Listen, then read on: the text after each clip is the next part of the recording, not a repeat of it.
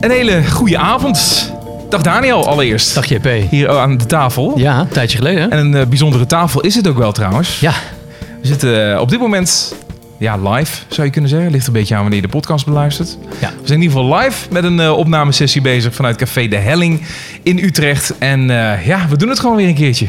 ja, we doen het zeker. Mogen we eerst even een applausje voor de helling? Ja, ja, applausje voor De Helling. Even een applausje voor de helling. Dat het allemaal kan. En zo hoor je ook meteen dat we hier niet alleen zitten. Nee, dat precies. uh, een goed gevulde zaal die, uh, die erbij is. En uh, nou ja, naar, naar, ons kijkt, maar ook naar het podium waar straks live artiesten gaan optreden. En een bijzondere aflevering. we gaan het namelijk hebben over de Helling. Maar het bijzondere, het Helleen Festival. Ja. Dat was nou, voor ons in ieder geval afgelopen zaterdag. Heeft er een editie plaatsgevonden. En het doet eigenlijk wat wij ook doen met onze podcast aandacht geven aan uh, beginnend, aanstormend talent. Soms die al een heel tijdje al op weg zijn. Maar hoe dan ook, uh, nou ja, misschien wel op het punt staan van doorbreken. En daar willen we bij zijn, daar willen we alles over weten. Ja, ja het was Dat- te gek. Ja, je was erbij? Ik was erbij, we hebben elkaar afgewisseld. Ja, klopt. Dat was het eigenlijk. Ik een beetje de middag, jij de avond. Een beetje de avond, ja. ja. Ja, ja, Dus dat, dat, uh, dat, daar gaan we het sowieso over hebben. Dat doen we dadelijk met uh, organisator en uh, programmeur Tom Strik. Die schuift die dadelijk uh, aan, aan de tafel. Um, verder, ja, we hebben ook, nou ja, we bedoel ik ermee, ikzelf, maar ook Norbert Peck, muziekjournalist. we hebben gejureerd. Dat klinkt als uh, iets heel heftigs, maar Ja. het was heel leuk om te doen. Uh, maar ook tegelijkertijd heel moeilijk, want er was namelijk een open call tijdens het Helene Festival. En dat betekent dat uh, allerlei bandjes en artiesten zich konden inschrijven om een plekje te krijgen hier bij de Helling. om ja, te laten horen wat ze kunnen eigenlijk. En dat, zijn, dat kun je echt noemen aanstormende talenten die zich hebben aangemeld. Het waren een stuk of 30, 40 of zo. Het was echt veel. en we hebben dat moeten doorploegen eigenlijk. al die, die demootjes die binnenkwamen, die tracks, die linkjes. En dat was ontzettend leuk om te doen. Uh, maar er is ook een winnaar uitgekomen. Die heeft ook opgetreden tijdens het Leen Festival. En die zijn ook hier. En die gaan ook uh, van zichzelf laten horen muzikaal gezien. Dus dat gaan we dadelijk ook meemaken. Ik ben heel benieuwd naar de criteria. Ja, inderdaad. ja, precies. nou, dat is wel belangrijk. Daar gaan we het dan inderdaad Ja, met ja. Norbert uh, dus nog even over hebben. Van hoe, hoe, hoe, kom, hoe kom je daarbij? Weet je, hoe, hoe maak je een top 3? Want dat hebben we dus eigenlijk gedaan. En uh, hoe kom je uiteindelijk bij uh, ja, diegene die dan uh, uit de bus komt uit zoveel aanmeldingen? Nou, dat allemaal dadelijk. En ja, verder gewoon een drankje erbij. Biertje hè, voor het gemak. Ja, lekker, toch in het café. Dus, uh, en we hebben natuurlijk zoals gezegd heel veel muziek. De allereerste artiest die ook heeft opgetreden uh, afgelopen zaterdag tijdens het Leen Festival. Maar die dus ook hier vanavond voor het eerst uh, van zich laat horen. Dat is de man met wie we dadelijk ook gaan praten. In het Engels. Hoe is je Engels, eh, Daniel? Yeah, pretty good. Pretty good. Ja, ja. Oké. Okay. Die van jou? Because we have to do it in a little bit of uh, English. Oh, dat is oké. But uh, I think dat gaat wel lukken. ja. En ik heb het over Fantastic. En je hoort hem nu.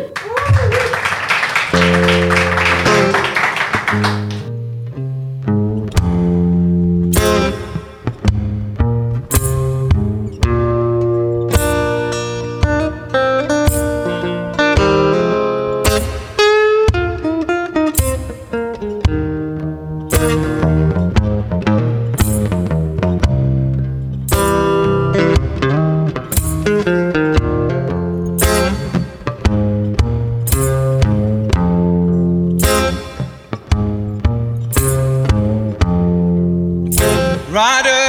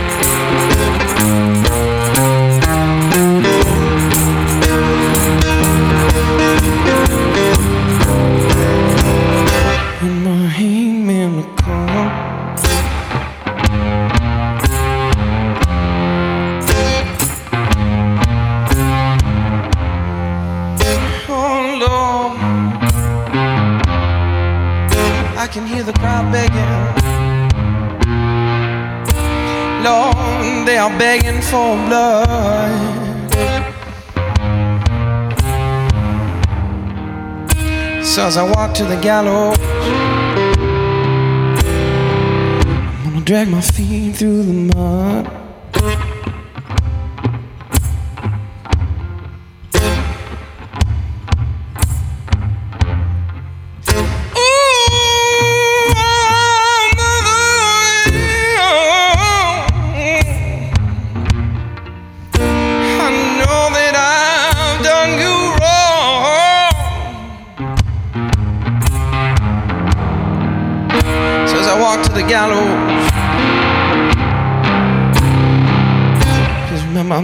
your son.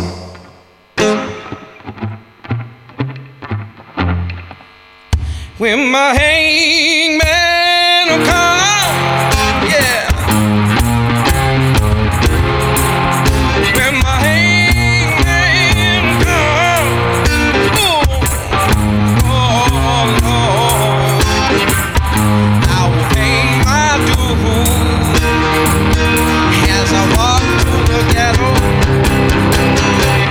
and I sing this song.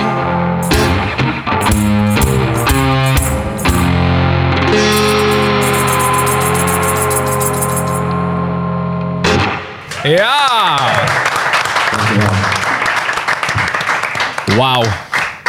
Fantastic was dat. Hartstikke live hier vanuit eh, de Helling. Wat nou als het lukt. Eh, de special over het uh, Helling Festival. En deze man die eh, stond daar dus ook. Afgelopen zaterdag. Ja, ja, goed. Ja, Eh, twee keer trouwens. Hè? twee keer. En eh, zijn verhaal, daar zijn we wel benieuwd naar. Want wie is die man die daar zit achter dat brilletje met die pet op? eh, eh, eh, die we in het Engels dadelijk moeten toespreken. Wie is hij? Wat doet hij? Wat is zijn verhaal? Daar gaan we dadelijk eh, achter komen. Jullie kunnen ook Danglish spreken met mij. Oh, oh. Ja, half Dutch, half English. Ja, ja, dat zal het sowieso worden, ben ik bang. Ik kom achterheen, min of meer. Hartstikke goed. Nou, we gaan dadelijk meer van hem horen. Maar eerst gaan we even het hebben over, eh, over het festival. eh, en degene die daar eh, nou, ook mede verantwoordelijk is. eh, en met name de programmering daarvan. En de programmering voor eh, waarom we hier vanavond ook zijn op de dinsdagavond. Een, een avond, eh, speciaal avond hier in de Helling. Tom Strik, Ja, hallo. ik wou zeggen. Ja, ik, ik, ik, Geef hem even een applaus. ja, ik moest meteen al wel weer lachen. Want ik moest me net ook bedenken hoeveelste keer dit wel niet is dat ik bij jullie in de uitzending zit. Beetje vriend van de show, Dat is echt niet Je bent- normaal. ja, je dat bent zeggen we een elke keer. Ja, ja. Ja. nou, ja goed, op een gegeven moment kom je er niet is meer vanaf. bij gebrek aan Nee. beter trouwens. Nee, nee, nee, dat precies. Want dat, eh, dat toen we het er eh, vanmiddag nog even over hadden, zei ik ook al. Ja, maar het is wel met een reden. Er is altijd wel een verhaal. En, eh, En nu zijn jullie eigenlijk op uitnodiging van mij. Dus dat is ook wel weer een keer leuk. Ja. Ja. Ja. Want vertel even, wat, wat, wat is de dinsdagavond eigenlijk in de helling? Op dinsdagavond hebben wij eh, open. Zoals het zo mooi heet. En dat is de, eh, ja, het gratis programma op de dinsdagavond in het café van de Helling.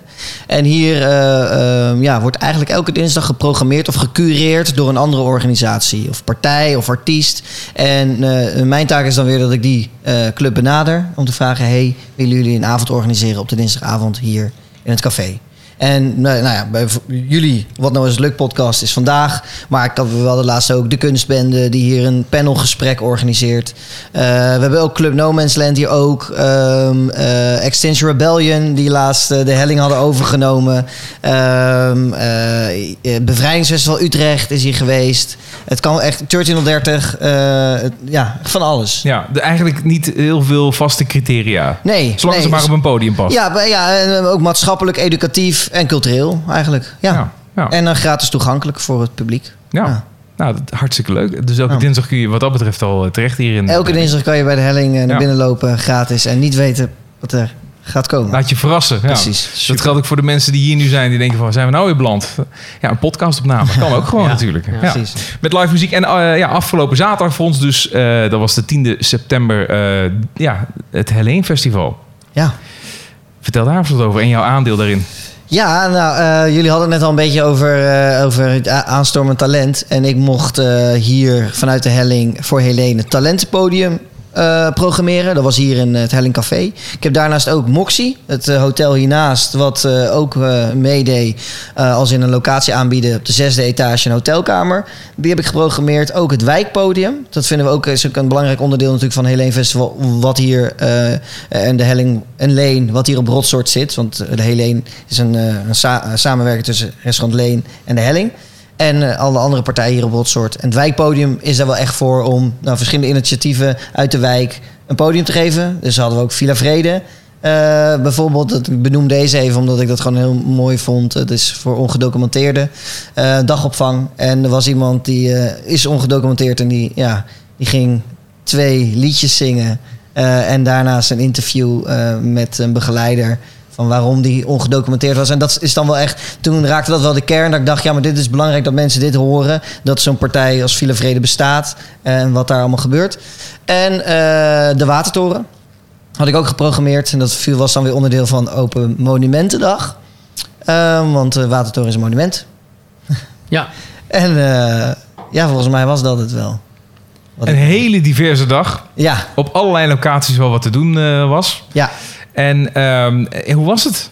Als je terugkijkt naar deze editie. Nou, ik vond het eh, een hele leuke editie. Eh, ook omdat de zon alleen maar bleef schijnen. Dat is toch altijd wel een. het telt toch vaak hoog mee in, de, in het plezier wat je op een festival hebt. Hè, het weer. Ja. Het weer was goed. En de muziek was goed. En het publiek, volgens mij de bezoekers, vonden het ook leuk. Ja, ik heb eigenlijk met heel veel plezier rondgelopen en gekeken naar alles wat hier. eh, heb je alles kunnen zien? ja, Veel kunnen Nee, natuurlijk niet. Nee. Nee, nee, ik, heb niet ik heb niet alles kunnen zien. Dat vind ik, wel- dat vind ik dan altijd wel jammer. Maar eh, wel zoveel mogelijk. En ik heb de dingen die ik al kende dan proberen niet eh, te zien. Nee, precies. Want Juist hoe programmeer je dan? Je hebt een paar locaties. Ja, allemaal nou- een eigen stijl. Ja, en natuurlijk, café was wel eh, echt de talent eh, eh, eh, wat, eh, ja, wat die ik hier ging programmeren. En dat vond ik wel heel leuk, want dan ga ik een beetje onderzoek doen van wat, wat heeft Utrecht dan allemaal.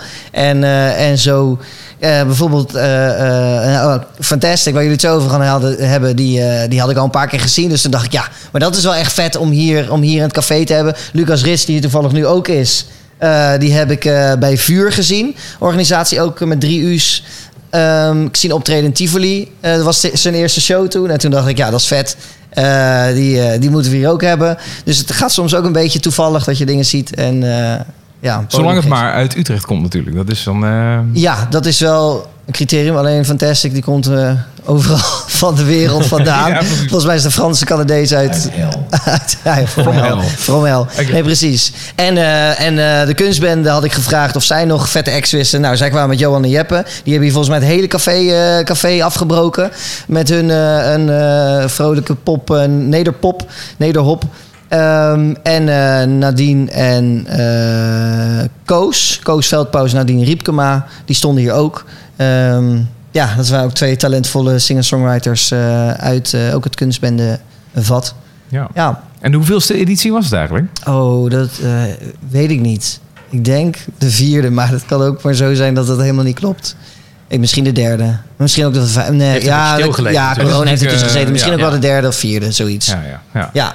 En eh, is het iets waar, ja, dat je alweer bezig bent met volgend jaar? Want het, eh, dat zal ongetwijfeld nog een ver- vervolg gaan krijgen. Ervan Eh, uitgaan dat het ja, nog ja, weer kan ja. die tijd. Nou ja, ja ik, ik ga ervan uit dat we volgend jaar hier weer met een Helene Festival staan. Zeker weten. Maar als programmeur zijn, dan moet je natuurlijk op tijd alweer je lijntjes uitgooien. Dat geldt natuurlijk voor de grote festivals, voor de grote organisaties. Die doen dat natuurlijk ver Ja. van tevoren al. Ja. Maar ja, je bent Nou, natuurlijk in je achterhoofd wel al Nou, ik bezig. heb wel, eh, maar dat doe ik altijd. Als, ook al was, werkte ik nog niet als programmeur. Ik hou wel, ik ben heel goed met lijstjes. Echt alle lijstjes voor alles. Ook boodschappen en noem maar op. Maar ook voor artiesten die ik vet vind. Ik weet niet hoe het met jullie zit als je ook in de muziekindustrie. Ik schrijf echt wel eh, artiesten die ik vet vind. eh, of die net, ja, ja, voor het eerst zie. Die, die schrijf ik wel op een, op een lijstje. Dat dus is ik hou wel- dat- zeker al een lijstje bij voor volgend jaar. Dat is wel interessant, want als muzikant zijnde wil je op dat lijstje komen. Ja, nou ja. Ja, nou ja, Ja, eh, de- eh, nou ja, ik tuurlijk, weet niet, of- ik denk dat andermans lijstjes iets belangrijker zijn als je muzikant bent. Ja, Oké, maar goed, Op elke programmering, als el- elke programmeur inderdaad een, eh, lijstje heeft, dan wil je op zijn lijstje, maar bijvoorbeeld ook die van jou. En iemand Ja. denkt van, ah, ik wil volgend jaar daar wel optreden. Maar wat, wat, wat is, wat, hoe werkt dat dan eigenlijk? Is het, is, het, is het zoiets als dan van, probeer Tom een beetje te leren kennen, probeer zijn aandacht te krijgen op een of andere manier? Nou, dat zou wel heel leuk zijn. Toch? Als, ja. Ja. nee, ja, maar dat mag zeker. Ja, nee, ja, en ik, kijk, ik kom sowieso, zit ook een beetje in me dat ik altijd op heel veel plekken kom. En ook heel veel mensen ontmoet en heel veel dingen zie. Dus dat is ook het voordeel dat ik dan, en nu als programmeur ook eh, werk, dat ik daardoor, nou ja, al veel, dat lijstje is al best wel gevuld. Dus dan kan ik daar af en toe kijken van, hé, hey, oh ja, Ja. Ehm, En je maar- netwerk is, omdat je zelf natuurlijk ook muzikant bent, Precies, is al precies. groot. Ja. Je kent al veel Ja, mensen. ja, en mijn eigen evenementen ook organiseren. Dus dat ook, maar alles komt altijd. Het ene lijstje kan je ook voor het andere weer gebruiken, zeg maar. Ja, precies. Dus eh, ja. Maar dat betekent veel in de stad zijn, veel zien. ja. Ja, maar daar hou ik heel erg van. Ja. Ja, zeker. En eh, ja, overal komen. Ja, ja, Ja. bijzonder. Dus je kunt nog niet heel veel zeggen over eh, volgend jaar wat dat betreft. Maar dat, Nee, eh, dat- dat- nee, dat ergens is- is een begin van het lijstje al gemaakt. ja, dat sowieso. Ja. Stond er Dat nog eentje op het lijstje die niet gelukt is? Ehm, Oeh, oeh, dat we- we- weet ik niet. Die kan, die, die- dan zou ik even zo op mijn lijstje moeten kijken. Kom ik zo op terug. Ja, Aan het einde dus van de uitzending kom ik er even op terug. Dat is goed. En eh, nou ja, het is een ontzettend leuke, diverse dag was dat. En eh, nou ja, we, hebben het erover. Eh, we laten het ook horen natuurlijk. Want de artiesten die je dus in deze aflevering hoort... die hebben ook opgetreden in, tijdens het festival natuurlijk. Fantastic is daar er eentje van. Zullen we nog eens gewoon luisteren naar deze man? En hem daarna eh, aan de tafel uitnodigen? Lijkt me wel een goed idee. Ja, want als je hem hoort, dan wil je toch op een gegeven moment ook meer van weten. Eh, Tom, dankjewel. Ja, Succes in ieder geval met je lijstjes. Dankjewel. En eh, mocht je luisteren of hier in de zaal zijn, tik Tom even aan. Hè? Het kan zomaar zijn dat jij op dat lijstje terechtkomt. Dat wil je natuurlijk. Ondertussen gaan wij door met de tweede track van eh, Fantastic. Dit is Fire.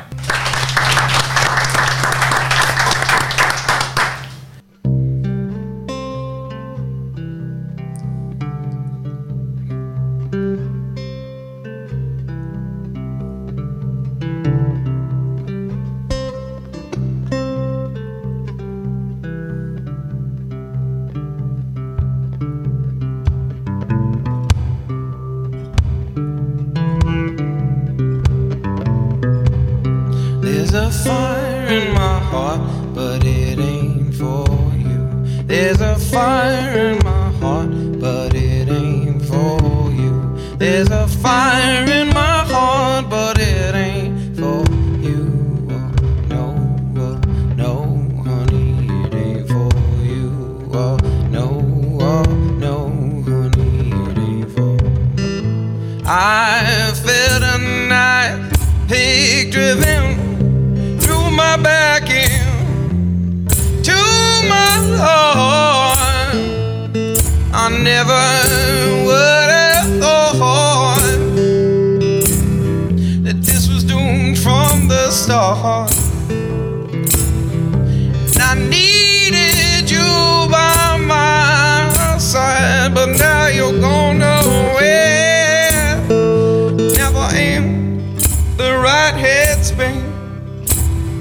to hear things being put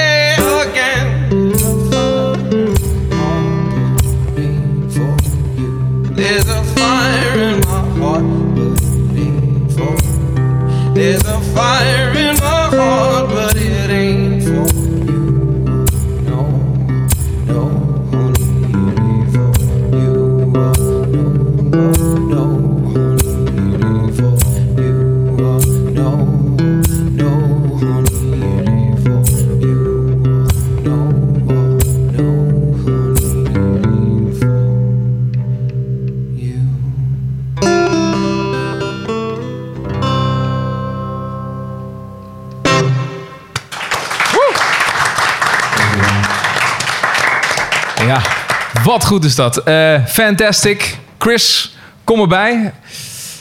Even alle, muzie- alle instrumenten en apparatuur even aan de kant. Zometeen eh, natuurlijk nog één eh, live track die hij zal laten horen. Maar dit is goed hoor. Ja. Ja, het is te gek. Je kan het in iedere setting kwijt. ja, dat is waar ja. ja. Buiten bijvoorbeeld, binnen. Maakt Nou ja, het heeft er twee keer opgetreden. Dus één keer hier, namens Tom, denk ik. En één keer bij eh, hier iets verderop, Ja, bij de tafelboom. En dat was meer een beetje een, eh, een Oh, buitenset. het, is ook, het het doet het natuurlijk ook allemaal zelf. Maar eh, ja, inmiddels hier eh, aangeschoven aan tafel. Chris, welkom. Welkom, leuk dat je er bent. Schuif de microfoon maar lekker dichter tegen je aan. Treat it like your wife or something. Treat, treat the microphone like your wife. How are you? I'm good, you. Wow, what, a, what an amazing uh, music you make. uh, what an amazing appearance you make.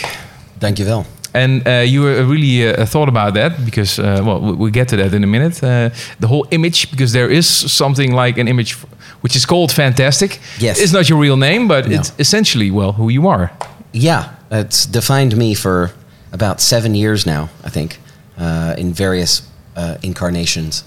Um, uh, way back from when I was living in the UK and playing uh, cover gigs in bars, all the way to now, where uh, fortunately I'm in a country that is very embracing of original music. So, thanks, Netherlands. Um, You're welcome. uh, yeah. On behalf of all the Netherlands, say, you're welcome.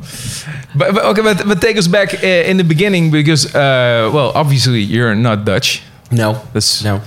Uh, yeah, I'm, I was the clever guy in the class. but um, where are you from? Where, where, where, where were you born and where were you raised? I was born in the United States to a French father and an American mother. Uh, and then I lived in the US for a bit and France for quite a long time, also in Germany and also in the United Kingdom. Why did you move to all these countries? My parents had uh, jobs that were sort of uh, international uh, related stuff, so a lot of that involved us moving. Uh, so I spent most of my life in international schools, uh, but I learned a few languages along the way, and uh, you know, uh, I learned how to pick them up quick too. So Yeah, uh, so you can speak how many languages?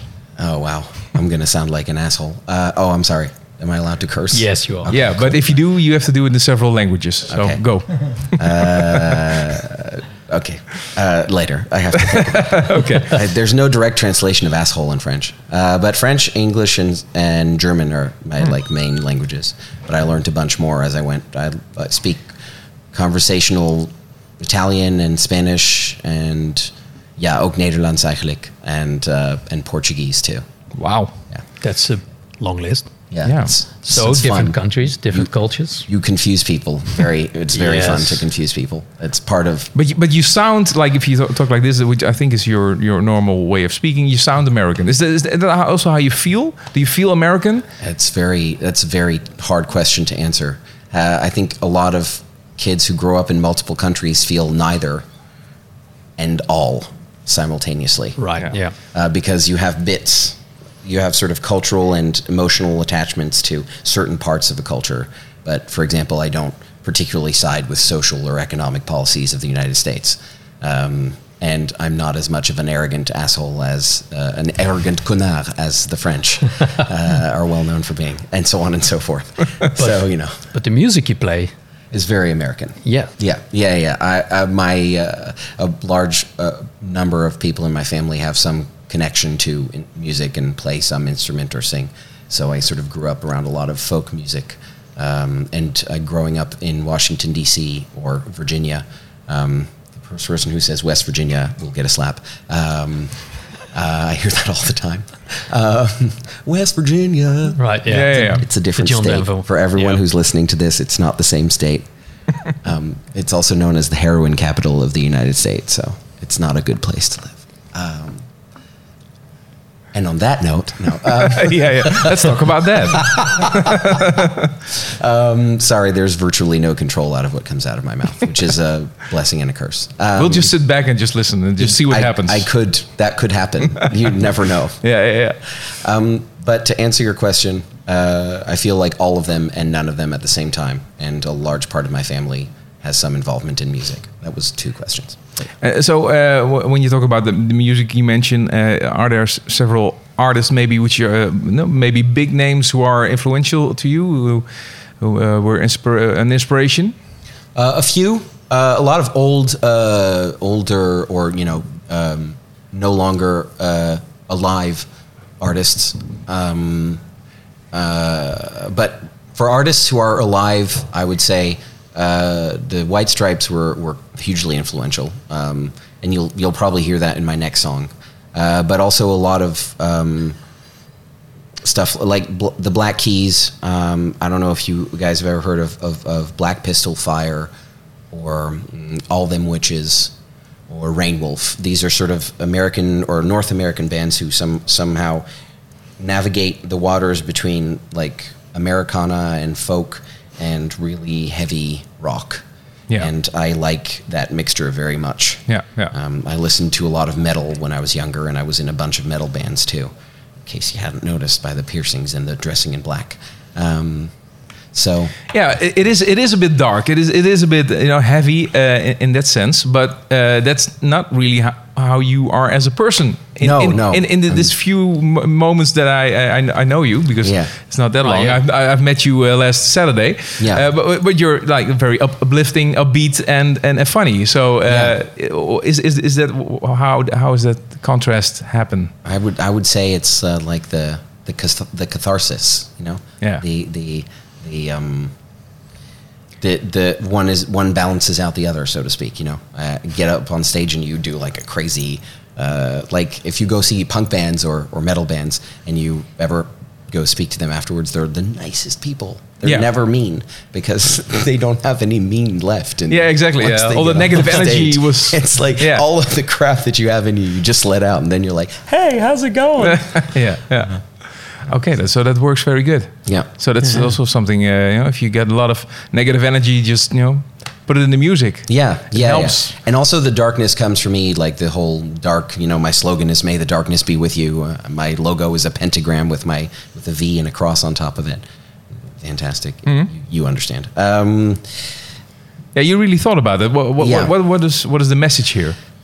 um, iconoclasm, like a mashup of all religions. I don't really particularly believe in anything except for being nice to people. I think that that's like super important. Not, you know, a, a stranger could be the person who saves your life or in need of someone smiling, saying something nice to them.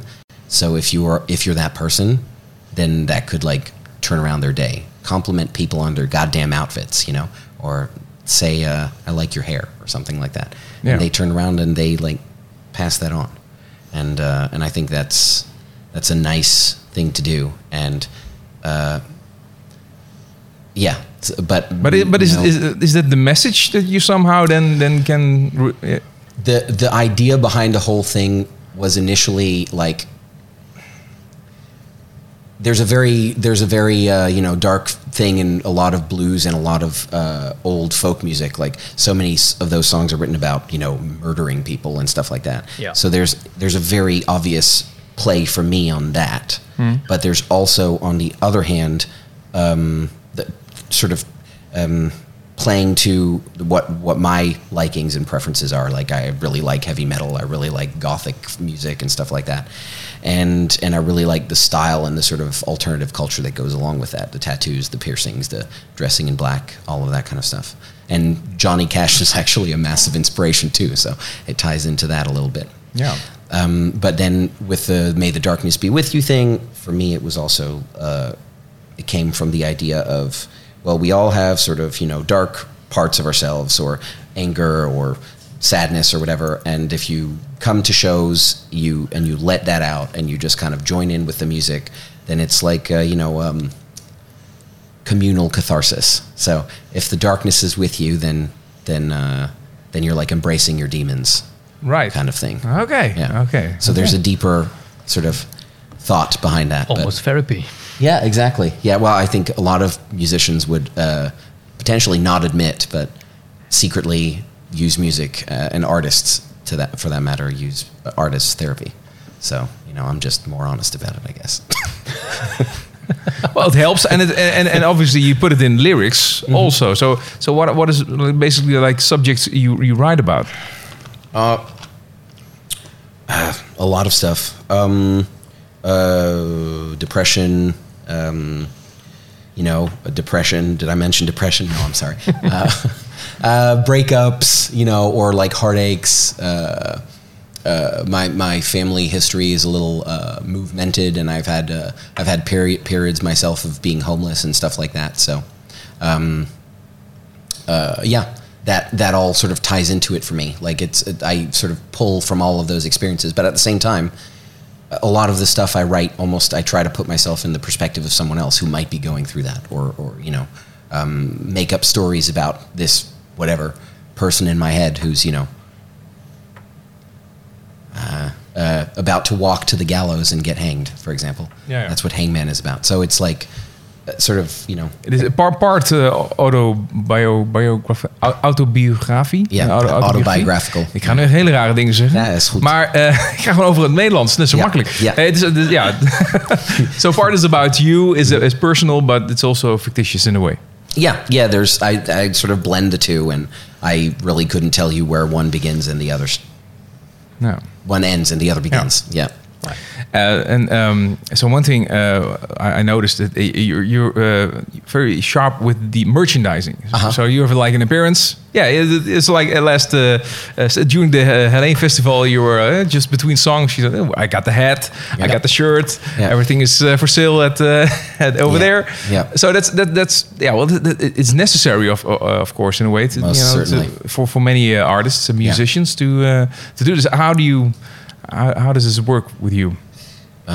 You mentioned you work with a designer, right? Uh, yeah. So so the, these these shirts. Thank you for mentioning it. By the way. Um, welcome. No. So now, the, now the commercial break starts.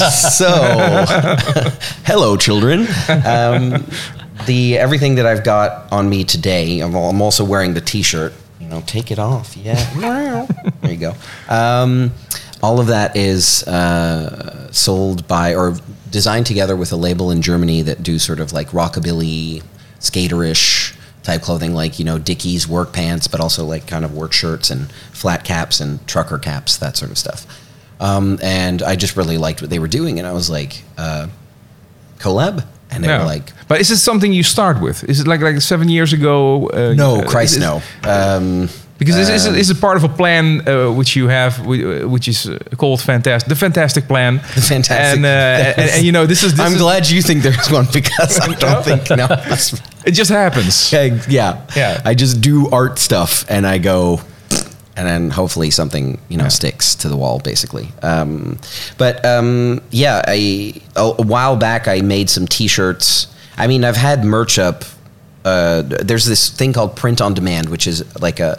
Uh, are you guys for, well for yeah, the yeah. sake of You the just draw something basically, and they print on the shirt. Exactly, yeah. And as soon as someone orders it, they print it for you. So you save a bunch of money on, uh, you know, uh, actually buying in the physical merch Right, and on yeah. like uh, um, um, warehousing it and stuff like that. So they take care of all of that stuff. And I've had that for maybe since my first single was released for this upcoming album, which has been waiting for like fucking three years now. Uh, thank you, Corona. Um, and um, that was like just a sort of a, a plain uh, cross and, and V logo with the album, like the single cover on it.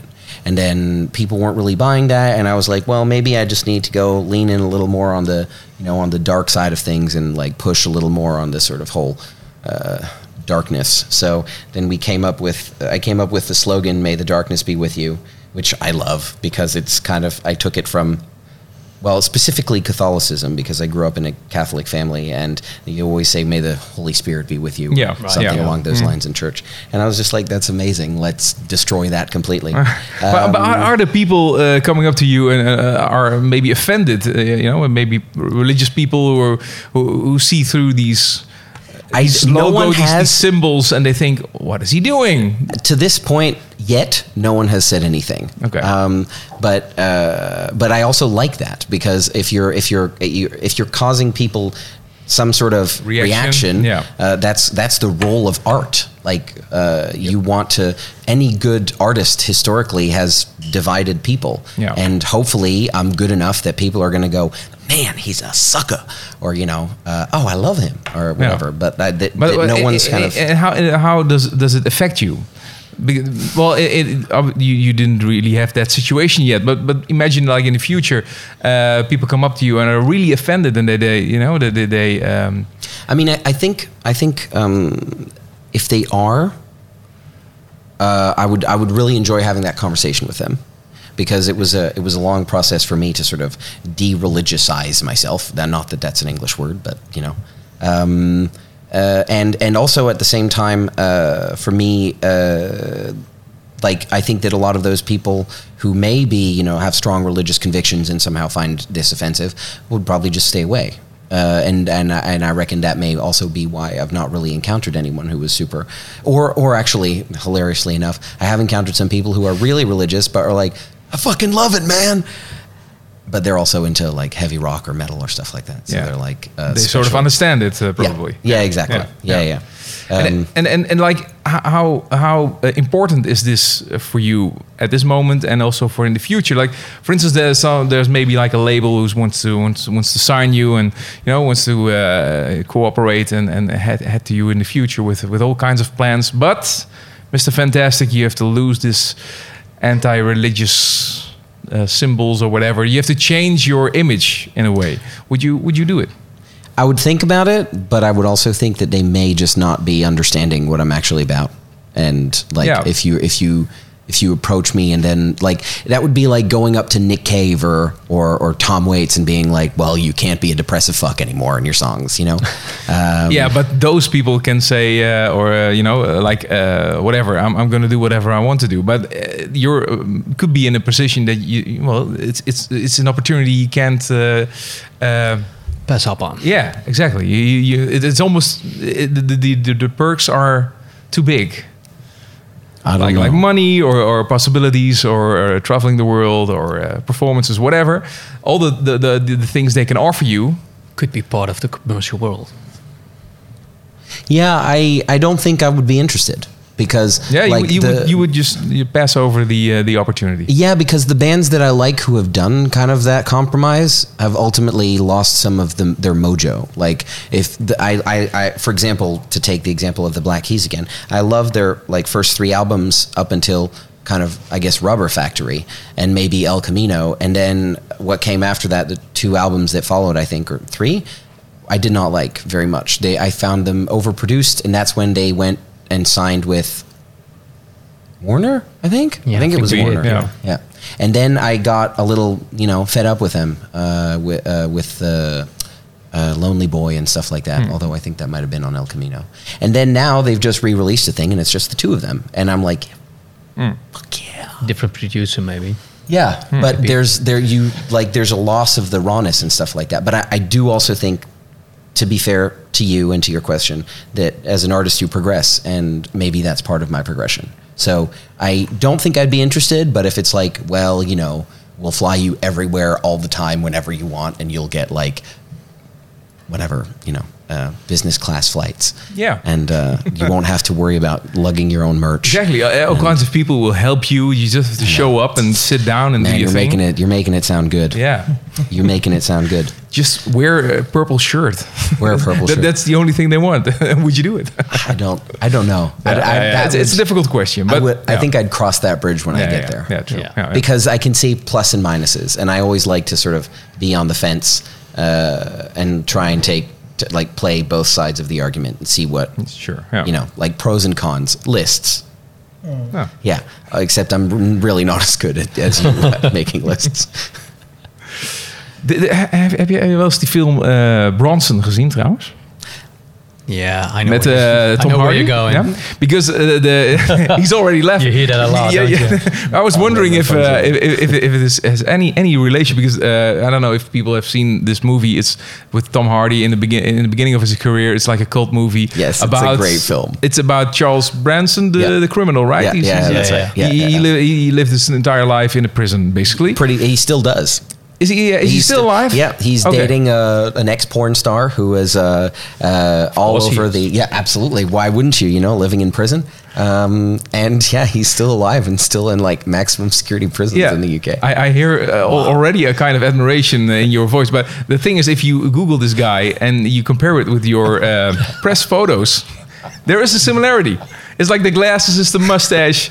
I didn't really know if he had a lot of hair, but this guy is bald, I think. But, uh, but No, he's bald. it- it- what is the relation with that? there, there isn't really any, but I. It's either that or Doctor Robotnik, um, and I love both. I'm happy with both. Um, I had I I, uh, I grew a mustache uh, for my partner actually, who uh, said to me, you know, I find mustaches sexy, and I was like, all right, I'll try it, see what happens. And uh, Okay, it's not not after seeing the movie. Uh, No, no, no, no, no, no, no, no.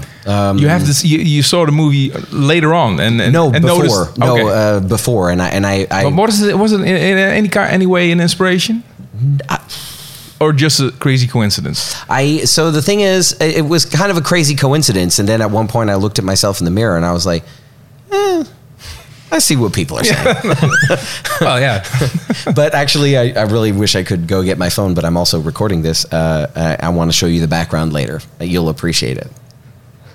The background. That's all I'm good. Like the the screensaver, you'll you'll appreciate it. That's Okay, all. I'm, okay, If okay. if you ask me that question, you'll you'll you're gonna laugh your ass off. Okay. Um, but like for a long time, I didn't wear sunglasses when I performed, but I have a tendency to close my eyes as I play, and I like to make people think that I'm not doing that, um, or to give a little more mystery maybe when I'm when I'm playing. yeah. yeah. Um, and people also are always surprised, just as you said, like that they'll be, you know, initially seeing me, they're like, "Whoa, this guy's like a crazy tough person or whatever," and then I'm like smiling and happy and jovial, and I crack stupid jokes, and people are like, Yeah. "Okay," uh, the kind of 180 uh, head turn.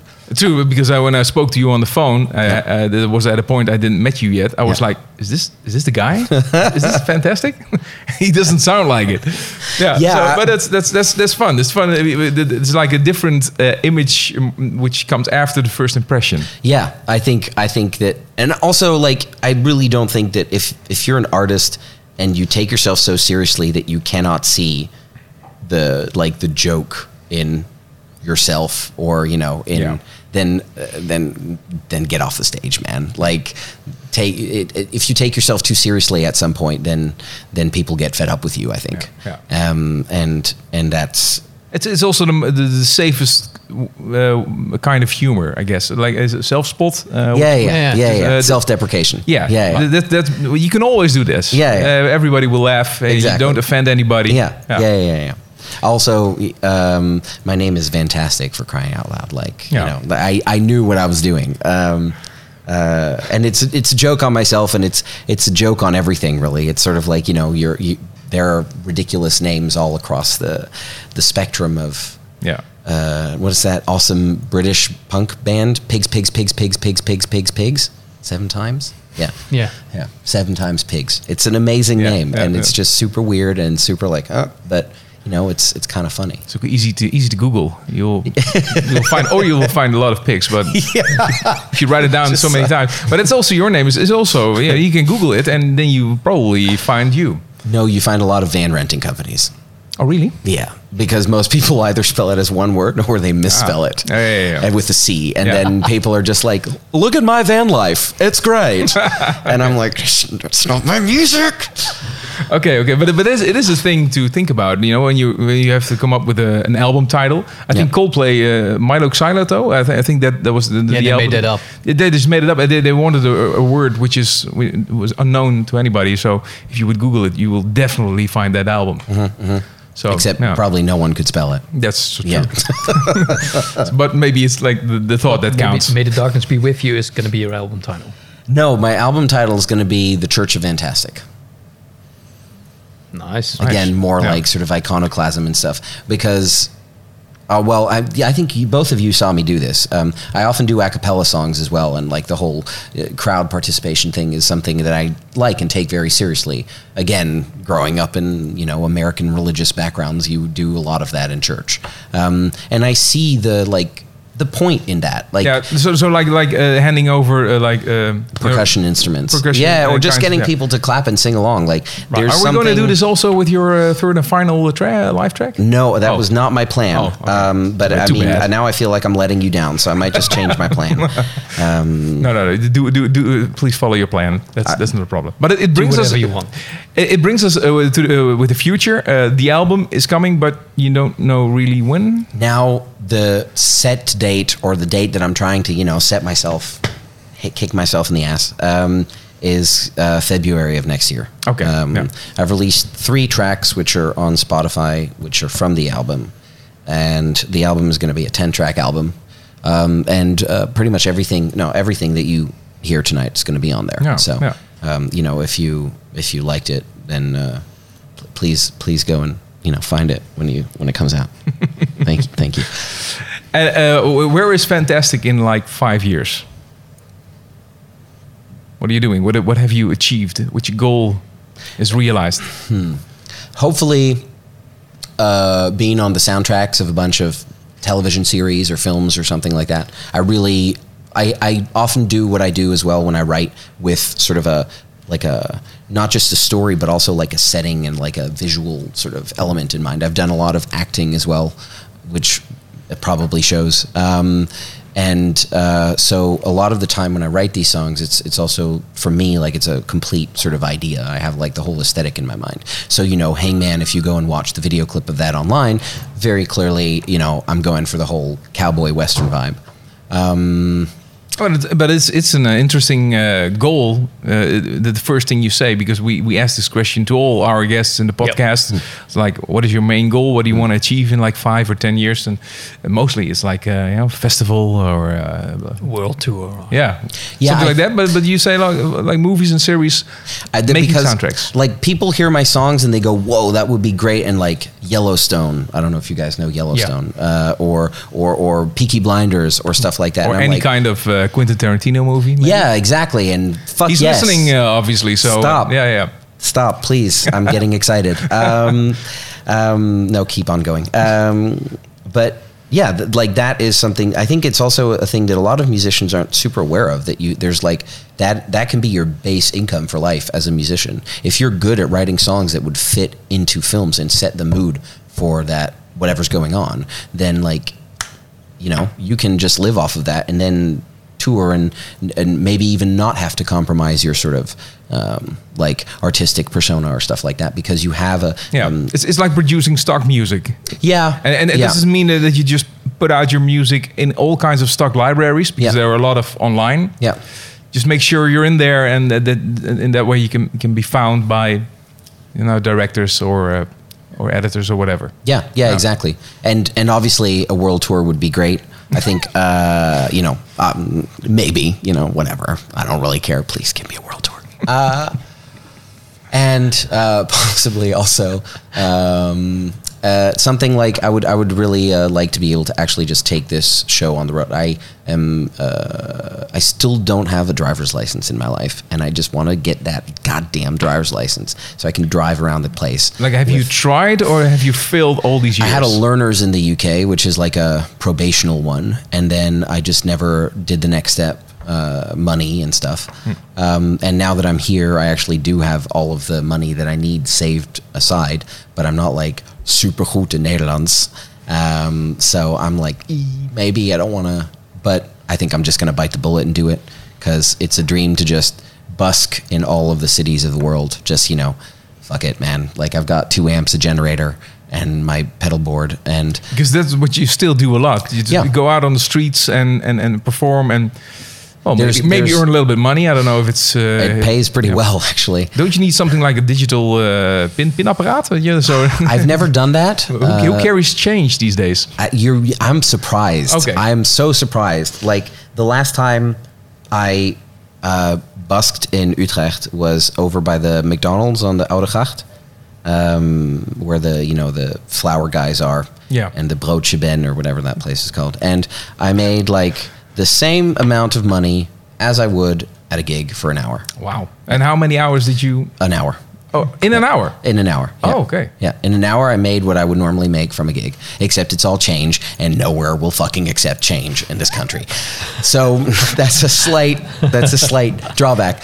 Uh, slight drawback. So I'm walking around with like four kilos of like coins, like. Um, but you know, it's uh, if if you do it and and and you go to I don't know maybe Germany or France and you just chuck that into a um, like a deposit machine or something Yeah. like that, then then you can make a pretty decent living and. Um, because I, what I like about it is that it's really um, what's the word I'm looking for? Democratic. It's very you know honest. Like Yeah. if if your Yeah. music shit, people aren't stopping. Yeah. Or not even music. If your performance is bad, people won't stop because they'll be like, eh, yeah, no, thanks, I'm gonna pass. Um, and if there's something that distinguishes you from the rest and you're doing it well, then they will. And you'll and and it's mostly about just projecting that sort of you know confidence and knowing the showmanshipness. Again, not an English word. Um, but um, I and I, I I did a lot of open mics and I did a lot of busking and all of that really helps you to nail that. It's a good good tip for uh, for for artists who are no, Yeah. maybe struggling. Yeah. Yeah. And and also to like, you know, make a little make a is it like a trial by fire. Like if you want to improve your stage act, go busk because if you're if you're not good, they will let you know. There, Yeah. there will be no money in your in your in your bag. Yeah, yeah, So yeah. Very interesting. And uh, thank you very much, uh, thank you. Thank Van, you. Thank you. Mr. Van. Yeah. it's okay. You can call me Chris. Oh, but- yeah, I can call you Chris. Yeah, okay. yeah, yeah. Okay. Uh, well, uh, uh, please um, go back to the stage uh, for your uh, third uh, third song. And yeah, uh, thank you very so much for coming. Thank you. And uh, let us uh, you know, get to know you a little bit. Oh, stop it. Ondertussen stapt hij terug op het podium. Ja, straat, uh, straatmuzikanten leven, dat is toch wel bijzonder. Ja, Dat, uh, klappen van de zweep. nou, inderdaad. Als En je, dan het, weer als, je, door. als je het wil leren op de, nou, misschien wel harde manier, maar ook wel een hele leuke manier, is dat een hele goede tip. Ondertussen staat hij hier op het podium bij Wat Nou Als Het Lukt vanuit Café de Helling in Utrecht. Fantastic. Tell me if you want me. Thank you.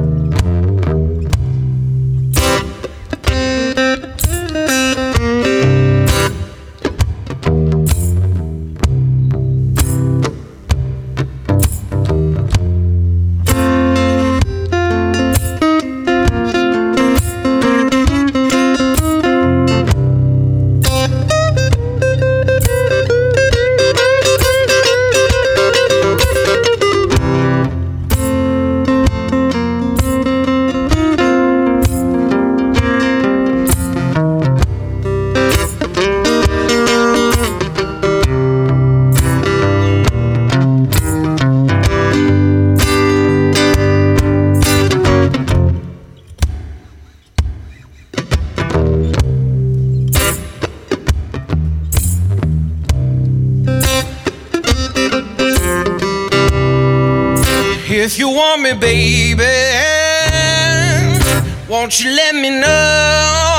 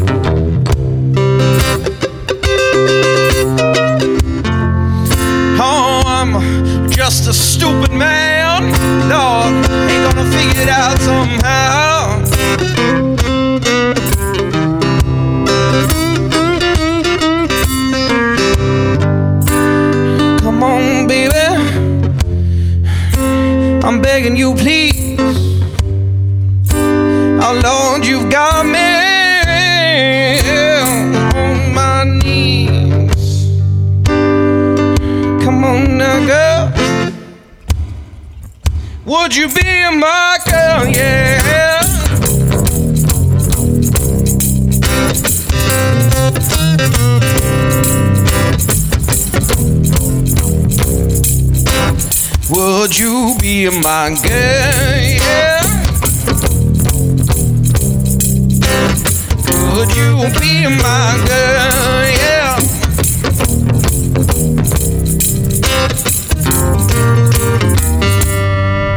Come on, baby, now. Won't you let me hear it?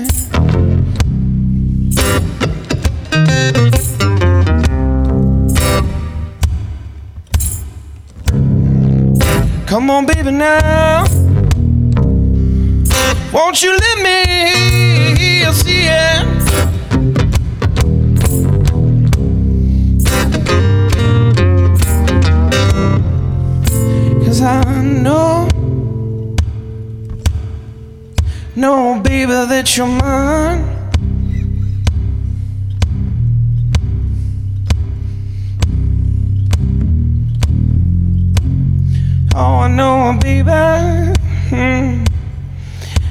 want you all the time.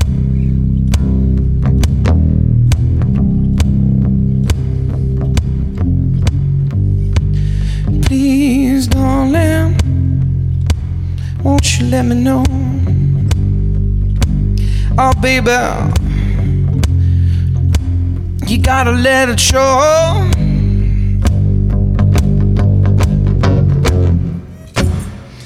Would you be my wife? Yeah.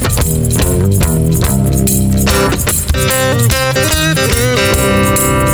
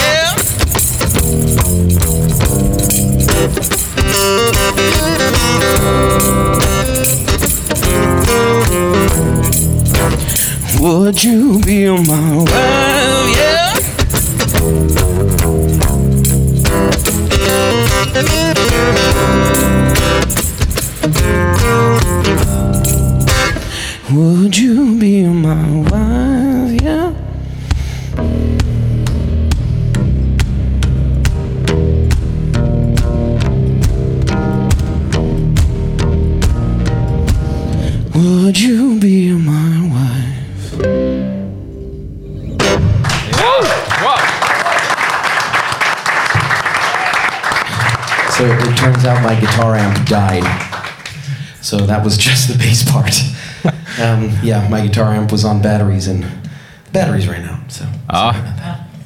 Nobody noticed. It was uh, very good. Thank you. Fantastic. Woe. Ja.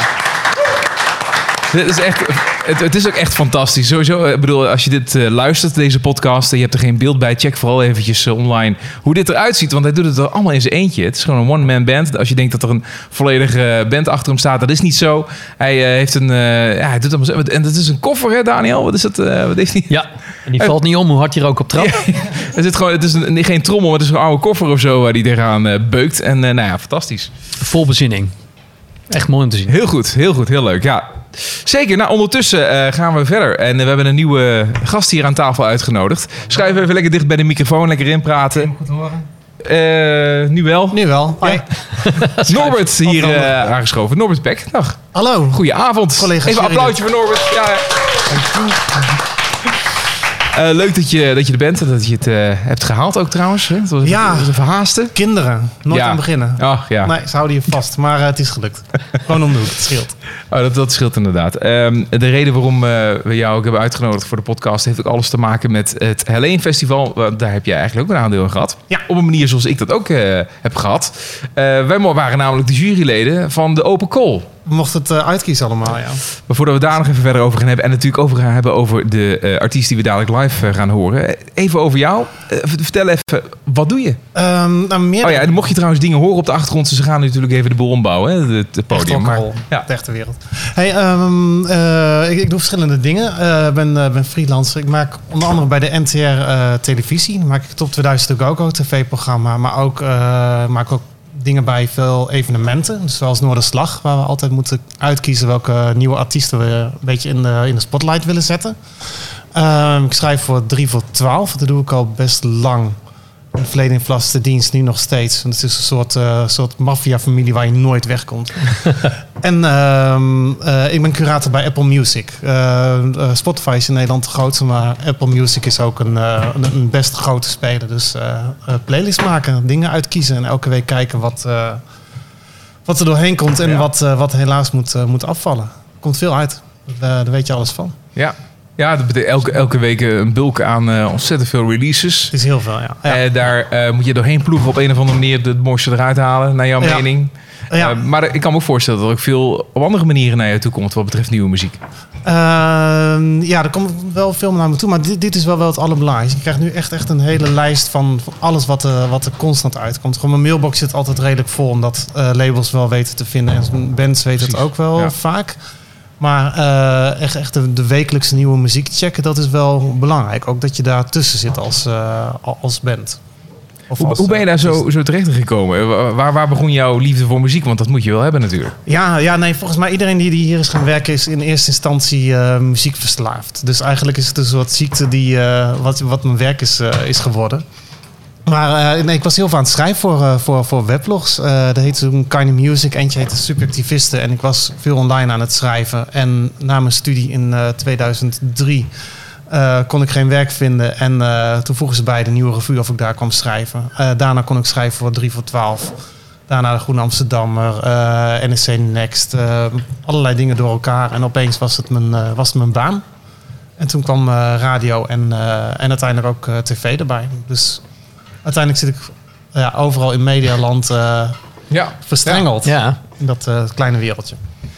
En dan word je ook gevraagd om af en toe te jureren. Doe je, Ja. dat, doe je dat vaak eigenlijk? Want ik doe dat eigenlijk niet heel vaak. Eh, ik deed het vroeger wel veel vaker. Eigenlijk toen ik vast in bij 3 voor 12 zat, eh, deed ik het veel vaker. Omdat ze dan ook jou makkelijker weten te, te vinden. Het is heel duidelijk als je zegt, eh, ik werk voor 3 voor 12. In plaats van dat ik mensen moet vervelen met een vijf minuten lang verhaal. Wat ik voor werk ik allemaal. ja het is natuurlijk al een gegeven, 3 voor 12. Ja, dit is heel, heel makkelijk, makkelijk uit te leggen. Dus eh, het gebeurt ietsje minder dan, eh, dan toen. Maar ik vind het wel tof, omdat ik altijd op zoek ben naar nieuw talent. En altijd een soort, soort zendingsdrang heb om muziek die ik leuk vind. En vooral onbekende muziek eh, aan de man en vrouw eh, te, te brengen.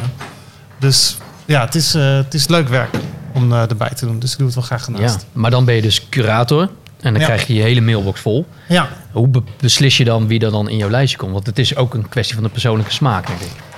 Eh, ja, dat speelt altijd, altijd mee, eh, persoonlijke smaak. Eh, oh, je krijgt ook op een gegeven moment wel een soort getraind hoor. Ja, het hele erg was toen, toen ik net bij 3 voor 12 ging werken. Toen zat ik bij Luc Jans in de, in de auto. Dat was een DJ toen voor 3 voor 12. Eh, een erg grote naam in België. Die deed toen ook eh, dingen voor de VPRO. Eh, we gingen ergens naartoe en hij had een mega grote stapel cd's. Dat kreeg je altijd van de plug. De plug is, eh, Oh ja. dan Ja, komen alle pluggers langs, alle nieuwe muziek geven. En dan kom je met een soort eh, halve cd-kast kom je, kom je het VPRO-gebouw uit. En hij deed de cd erin, eh luisterde 10 seconden, skipt een beetje door, ding er weer uit, volgende cd erin. Alles, hij luisterde echt super fragmentarisch.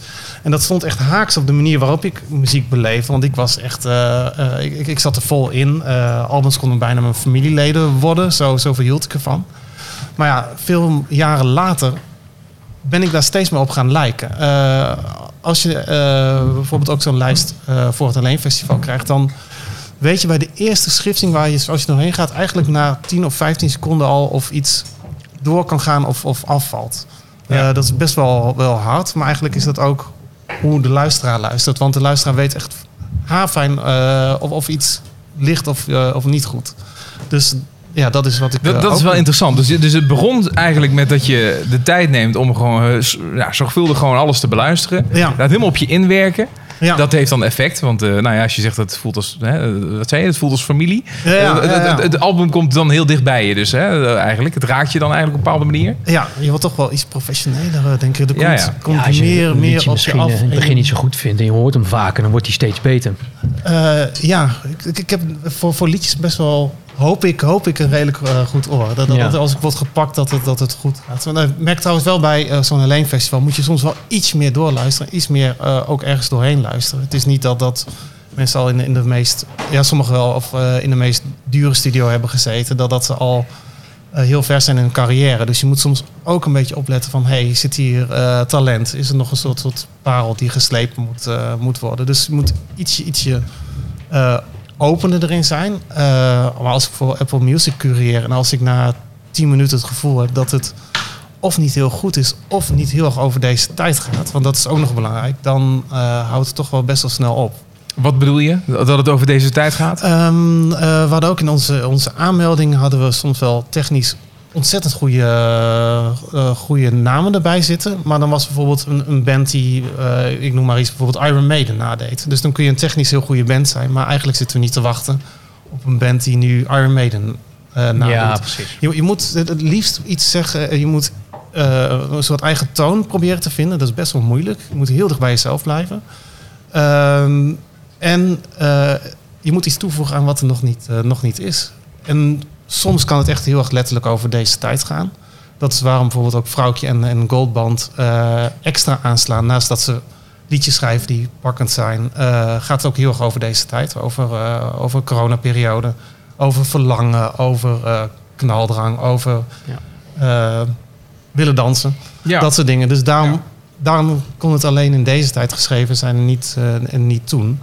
Maar je kunt ook muzikaal gewoon net, net iets nieuws eh, weten te doen. Maar dat is, dat waardoor is wel een interessant voorbeeld wat je, wat je noemt, eh, Goldband bijvoorbeeld. Eh, Ja.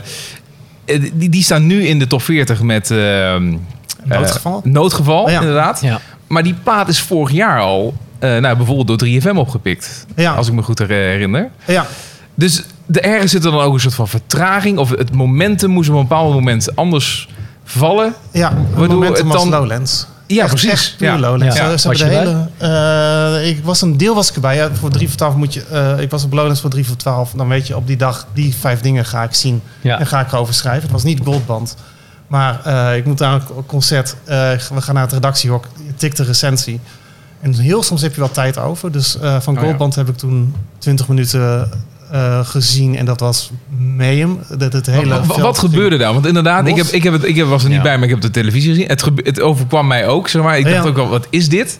Ehm, maar eh, grappig genoeg, en dat, eh, dat weet je op zo'n moment niet, maar gebeurde dat dus eigenlijk overal. Ja. Oh, wat was dat? Eh, nou, het grappige, je hebt gelijk, het gebeurde overal. Eh, op Down the Rabbit Hole eh, waren ze op het hoofdveld, smiddag volgens mij ook. Daar ging het helemaal los. Eh, op Wildeburg was het halve festival, was opeens daar. Eh, je kon er echt niet meer bij.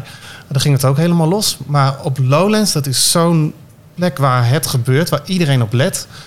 Daar speelden ze de boel zo plat en dat werd zo breed uitgemeten dat iedereen, ook het buurvrouw uit je geboortedorp, heeft ervan gehoord opeens. En opeens heeft iedereen ook een mening over. Dus je, eh, mensen ontdekken het. En sommige mensen zetten zich ervan af. Die zeggen van, nou, nou, dat dit een nieuwe grootste band is, dat is echt verschrikkelijk. Nou, dan krijg je weer discussie. Ja. En dan opeens groeien als, eh, Maar als band. het- het- precies, en dat, dat, dat is dus het, het, het, het punt waar elke muzikant op wacht. Waar elke band wil dat het gaat gebeuren. Ja. Dat je zoiets krijgt wat zo'n explosie eh, teweeg brengt, als het ware. Maar het opvallende is gewoon dat ze dat is al een jaar geleden met datzelfde plaatje aankwamen. Waar ze eigenlijk eh, een soort van hetzelfde gewoon wel deden, volgens mij. Ja. Eh, Jaren daarvoor zelfs al. En toen gebeurde het niet. Nee, en, en dit is schijnbaar het moment. Ze hadden trouwens ook nog een, een viral dingetje met dat eh, noodgeval eh, in een Ja, was in het eh, wc-hok. In een wc-hok werd gezogen. Dat ging ook, ook nog los. Dus dit nummer werd ook net even eruit gepikt. En live ging het ook net, net goed. Ja. Je, je kunt het niet sturen als, als band Ja. dat iets wordt, wordt opgepikt. eh laat kan natuurlijk ook via TikTok gebeuren. Of, of via welke weg, eh, weg dan ook. Maar wat zij wel hebben gedaan de afgelopen jaren is non-stop werken. Ook in, in coronatijd. Die, Ja. Daar hebben niet stilgezeten. Dus het is gewoon uren maken, uren maken, uren maken. Ja. Eh, Muziek verfijnen, door blijven gaan. En eh, ja, toch jezelf promoten. Ja. Laten we het even hebben over eh, de artiesten die nu inmiddels al op het podium eh, zichzelf hebben Over een neergezet. paar jaar Alpha Lowlands. Dan gaan we Precies. Precies. hebben hier eh, op deze Ja, plek. precies. Dit, is- dit is het moment waar Goldband een eh, jaar geleden zat, zeg maar. Precies. Dat hebben jullie nu. Eh, want ja, eh, even voor de duidelijkheid. eh, en dat zijn de winnaars. En daar moeten we ook- moeten we ook even een applausje voor geven natuurlijk. Between the Jars.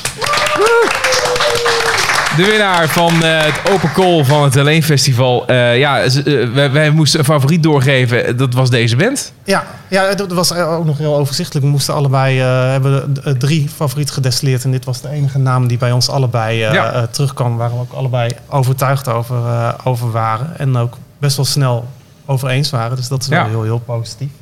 Ehm, eh, en waren hier afgelopen zaterdag ook bij. Waar eh, ook nog werd bevestigd dat... eh, ja, jullie gaan het straks horen. Eh, ik vond het een erg goede live, live band ook.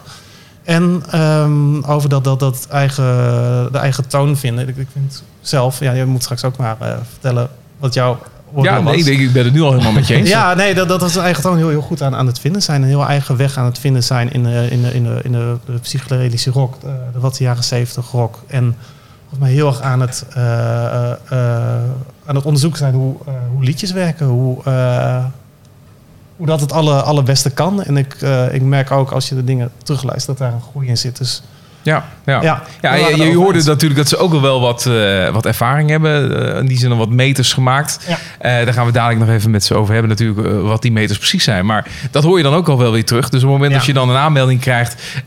het was in de vorm van een linkje en een stukje tekst. En dat was volgens mij gewoon het introotje wat jullie zelf hebben doorgegeven. bij de aanmelding. En ja, daar moet je het dan soort van van hebben. Dus dat is wat binnenkomt. Je klikt op het linkje. Dan moet er meteen... Het moet ook werken natuurlijk. Je moet ergens terechtkomen. Op Spotify bijvoorbeeld is het meest natuurlijk. Ja. Eh, en dat het dan klopt, dat je het gevoel hebt van... hé, hey, ik zit naar iets te kijken, je snapt wat er staat. De, de, de, het zijn van de afbeeldingen, de foto's tot aan eh, het te- tekstje wat daarbij zit. Eh, ik persoonlijk, ik, maar dat komt ook een beetje een audio-nerd ben... ik let ook wel op de productie. Ja. Dus ik word altijd wel getriggerd als, als dat gewoon lekker goed klinkt. Ja. Dat zegt, ja, wat, wat zegt dat? Maar ja, dat is ook een stukje gevoel. Dat, dat luistert lekker. Maar het zegt ook wel iets over hoe serieus artiesten dan met hun muziek aan de slag zijn gegaan. En wat ze, daarvoor aan, ja, hoe, wat ze erin hebben geïnvesteerd. Ja. Ja, dan Nee, is het dat- dus echt een totaalpakketje geweest. Ja, ik was ja. geen jurylid, dus ik kan er niet over meepraten in dit geval. Maar nee, maar dat, ja, dat nee, was dat ook. En een paar nummers die, die eruit zitten, zoals Passing Through, eh, eh, bleef in mijn hoofd zitten. Dus dat is Ja. altijd goed dat je een, eh, de hoek... Die gaan jullie ook Dat, doen trouwens? Passing through? Ja, het zou gek Nou zijn als je het niet doet, ja, maar... anders nu wel, ja, toch? Dat Ik is kan wel dan nu fijn. inderdaad alvast waarschuwen. Dat is er eentje die, eh, die de hele avond... eh, passing through... Ja, dat blijft hangen, ja. Dat ja. is heel fijn. Ja, nee, dus dat, dat, eh, ja, daar, wa- daar waren we het heel goed over eens. Maar, Ja. eh, en, en, en eh, je zegt 15 seconden luisteren. Ja, dat is wel heel, heel moeilijk. Het is stel, muzikanten luisteren nu en denken van... oké, ik wil ook een keertje me aanmelden voor zoiets. Hoe Ja. pak ik jouw aandacht dan voor die 15 seconden? Nou, nou, in dit geval ben ik wel...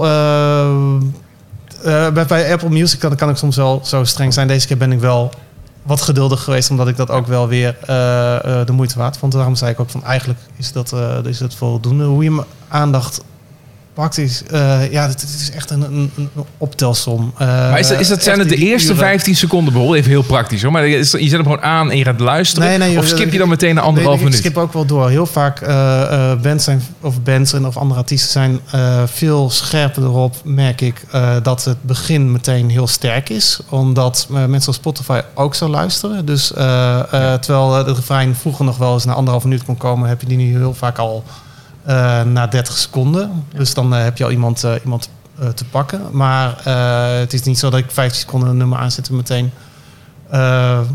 klaar ben als iets heel langzaam opbouwt. Dan kan ik ook voor gaan zitten. Maar je moet altijd, er is altijd een, een toon waar ik naar op zoek ben. Of, of een, een eigen iets. Of, of, of, of, of een tekst die je raakt. Of, of een geluidje wat, wat klopt. Eh, Zou jij muzikanten adviseren zeg maar, om op die manier dan ook naar hun muziek eh, te luisteren? De- in, in het schrijfproces, in het productieproces, om dan te bedenken van oké, hier zit dadelijk Norbert naar te luisteren. Ja, Die nee, heeft maar 15 seconden de tijd. ja, dus ik niet- moet dat nee, wel even... Niet, nee, je moet niet dat kan namelijk ook wel heel Nee. beklemmend en ja, creatief beperkend zijn. Ja, nee, daarom moet je nooit, nu, je moet geen seconde aan mij denken. Je moet echt, echt denken van wat, wie ben ik en eh, hoe wordt mijn nummer het aller, aller, aller, aller, allerbest. Eerst moet je in je kokon zitten. Eh, je moet goed naar voorbeelden luisteren en uiteindelijk je eigen weg eh, vinden. En dan kom je naar buiten en dan, dan merk je het. Ik denk ook dat eh, de dingen die je luistert, die, die scherp je ook een beetje in je eigen schrijfproces. Dus dan weet je dat een nummer toch weer iets meer van nu is en niet van eh 15 jaar geleden. Ja. Ja, ja en, en, en, en tegelijkertijd is het natuurlijk, ja, ehm, heel veel artiesten, muzikanten, die, het zijn ook kunstenaars, die willen gewoon expressief doen wat ze voelen. Ja. Maar dat hoeft niet per definitie te betekenen dat dat dan eh, nou ja, voldoet aan al die criteria, zeg maar. Nee. Dus het is ook een soort van, van gevecht, eh, wat- ik me kan voorstellen, Ja. dat je hebt, eh, ja, in, in wat, is nou, wat is nou de weg die je in wil slaan? Ja, dat geldt ook een beetje voor voor, het, wat we, het gesprek wat we net hadden met, met Fantastic. Van, eh, je hebt een imago, je hebt daarvoor gekozen, je hebt erover over nagedacht. Ehm, maar doe je dat op een manier dat dat, dat jouw, eh, jouw kunst uit? Of doe je dat om, omdat eh, nou ja, de, de wereld ja, dat, dat beter zal accepteren? Ja, ja, je moet nadenken wie, wie je wil zijn, waar je, waar je gelukkig van wordt. Inderdaad, of je die concessies wil, wil doen. Ja. Soms heb je ook gewoon het, het liedje schrijven in je en dan, dan doe je dat. En soms wil je gewoon die hele moeilijke eh, eh, track van eh 15 minuten maken om de nieuwe, weet ik veel, Pink Floyd te worden. Ja, ja, ja. Dan ja, doe het. Ja. Maar eh, Kijk, dan kom je gewoon in een, in een niche. Het hoeft niet altijd groots en commercieel, of hoe je het ook wil noemen, te zijn. Nee. Nou ja, de- in jouw geval is jij, jij, produceert, eh, dat doe je eh, met een dance, techno, disco. Disco, ja. Ehm, eh, eh, daarbij geldt natuurlijk op een bepaalde manier ook wel hetzelfde. Hè? Je kunt natuurlijk ook eh, daarmee de meest catchy eh, top 40 eh, hit willen maken, die er ook gewoon zijn. Eh, de Purple Disco Machine-achtige platen, bij wijze van Ja. spreken. Of je doet eh, ja, misschien waar je gevoel meeste ligt. Hoe doe jij dat? Nou, dat heeft nog nooit iemand van mij gehoord. Dus ik doe het vooral waar ik zelf zin in heb. Ja, ja dat, dat, dat- en dat heeft dan weer te maken met wat je doel is. Wat, wa- waar ligt jouw lat van, van, van succes en wat wil je behalen? Ik weet niet, ik denk dat ik altijd een beetje op zoek ben naar, naar, naar dat geluidje wat je nog nooit hebt gehoord of nog nooit niet kent. Of, ehm, ja, je kan disco maken als Purple Disco Machine, dat klopt. Eh, wat hij eigenlijk een beetje doet is gewoon oude hitjes recyclen. Eh, heeft plat gezegd, dat is niet helemaal waar, maar steekt in een nieuw jasje. Ehm, ja, ik kijk veel anders. Ik heb eh, Lindström, vind ik bijvoorbeeld echt briljant. Heel Wat tof. hij doet is, het is een beetje een combinatie van elektronisch en eh, met een band doet hij eigenlijk ook wel veel niet-drumwerk, zeg maar, Ja. elektronisch. Eh, er zitten heel veel verrassingen in, dat vind ik heel tof. Wat Fortet doet, kan heel, klinkt heel makkelijk, is het niet. Maar daar zit dan toch wel weer het luisteren naar je voorbeelden, naar je inspiratiebronnen en daar Ja, het beste van pakken Maar dat, zo, voor zo jezelf. ben je altijd bezig, ja, denk ik. Ja, ja. En vanuit daar maak je een eigen stijl. Wat staat er nog op jouw agenda de komende tijd? Ga je nog Ehm, bijzondere dingen doen het komend jaar denken. misschien nog wel? nou, ik, ja, Le Guess Who eh, komt, er, eh, komt Oh, ja. er langzaam weer aan. Daar ben ik eh, heel erg benieuwd naar. En even denken. eh, eh, heel, heel compleet wat anders dan hier. Eh, ik vind Wende Snijders een heel interessante artiest. Omdat ze heel goed op de scheidslijn tussen pop en eh, theater eh, zit. En zij gaat een nieuwe show neerzetten komend weekend. Dus die moet ik ook eh, zeker checken. En dan, die moet je ook, daar ga je wat over schrijven en dergelijke. Of dat, nee, nee, dat niet. Nee, Oh, eh, dat is gewoon voor jezelf. uit- Dat is, ja, dat ja, gebeurt ja. best wel vaak, ja. Ja, Oké, ja, nou goed. godzijdank. Ja, Ja. nou ja, eh, super tof dat je er was, eh, Norbert. eh, dat wij eh, samen nou, uiteindelijk eh, unaniem eh, eh, een winnaar hebben kunnen ja, kiezen. Dat, ja, dat was dat- een fijne samenwerking. het, het was wat dat betreft ook echt een ver- verrassing dat het, dat het gebeurde. Want eh, voor hetzelfde geld. Wat hadden we gedaan als het niet? eh, hadden we nog een pittige discussie was gehad gewoon een waarschijnlijk. oud, ouderwets gevecht. Dan inderdaad. was het gewoon, ja, precies. Inderdaad. Maar ja, Een loodje uit de hoed. precies, precies, precies. Nee, dat is gelukkig niet van gekomen. Nou, eh, we gaan dadelijk praten met Between the Jars. Eh, de hele band die staat nu op het podium en ze gaan allereerst even live spelen. Eh, jongens, ik geef jullie eh, het podium. Geef ze een applaus. Between the Jars.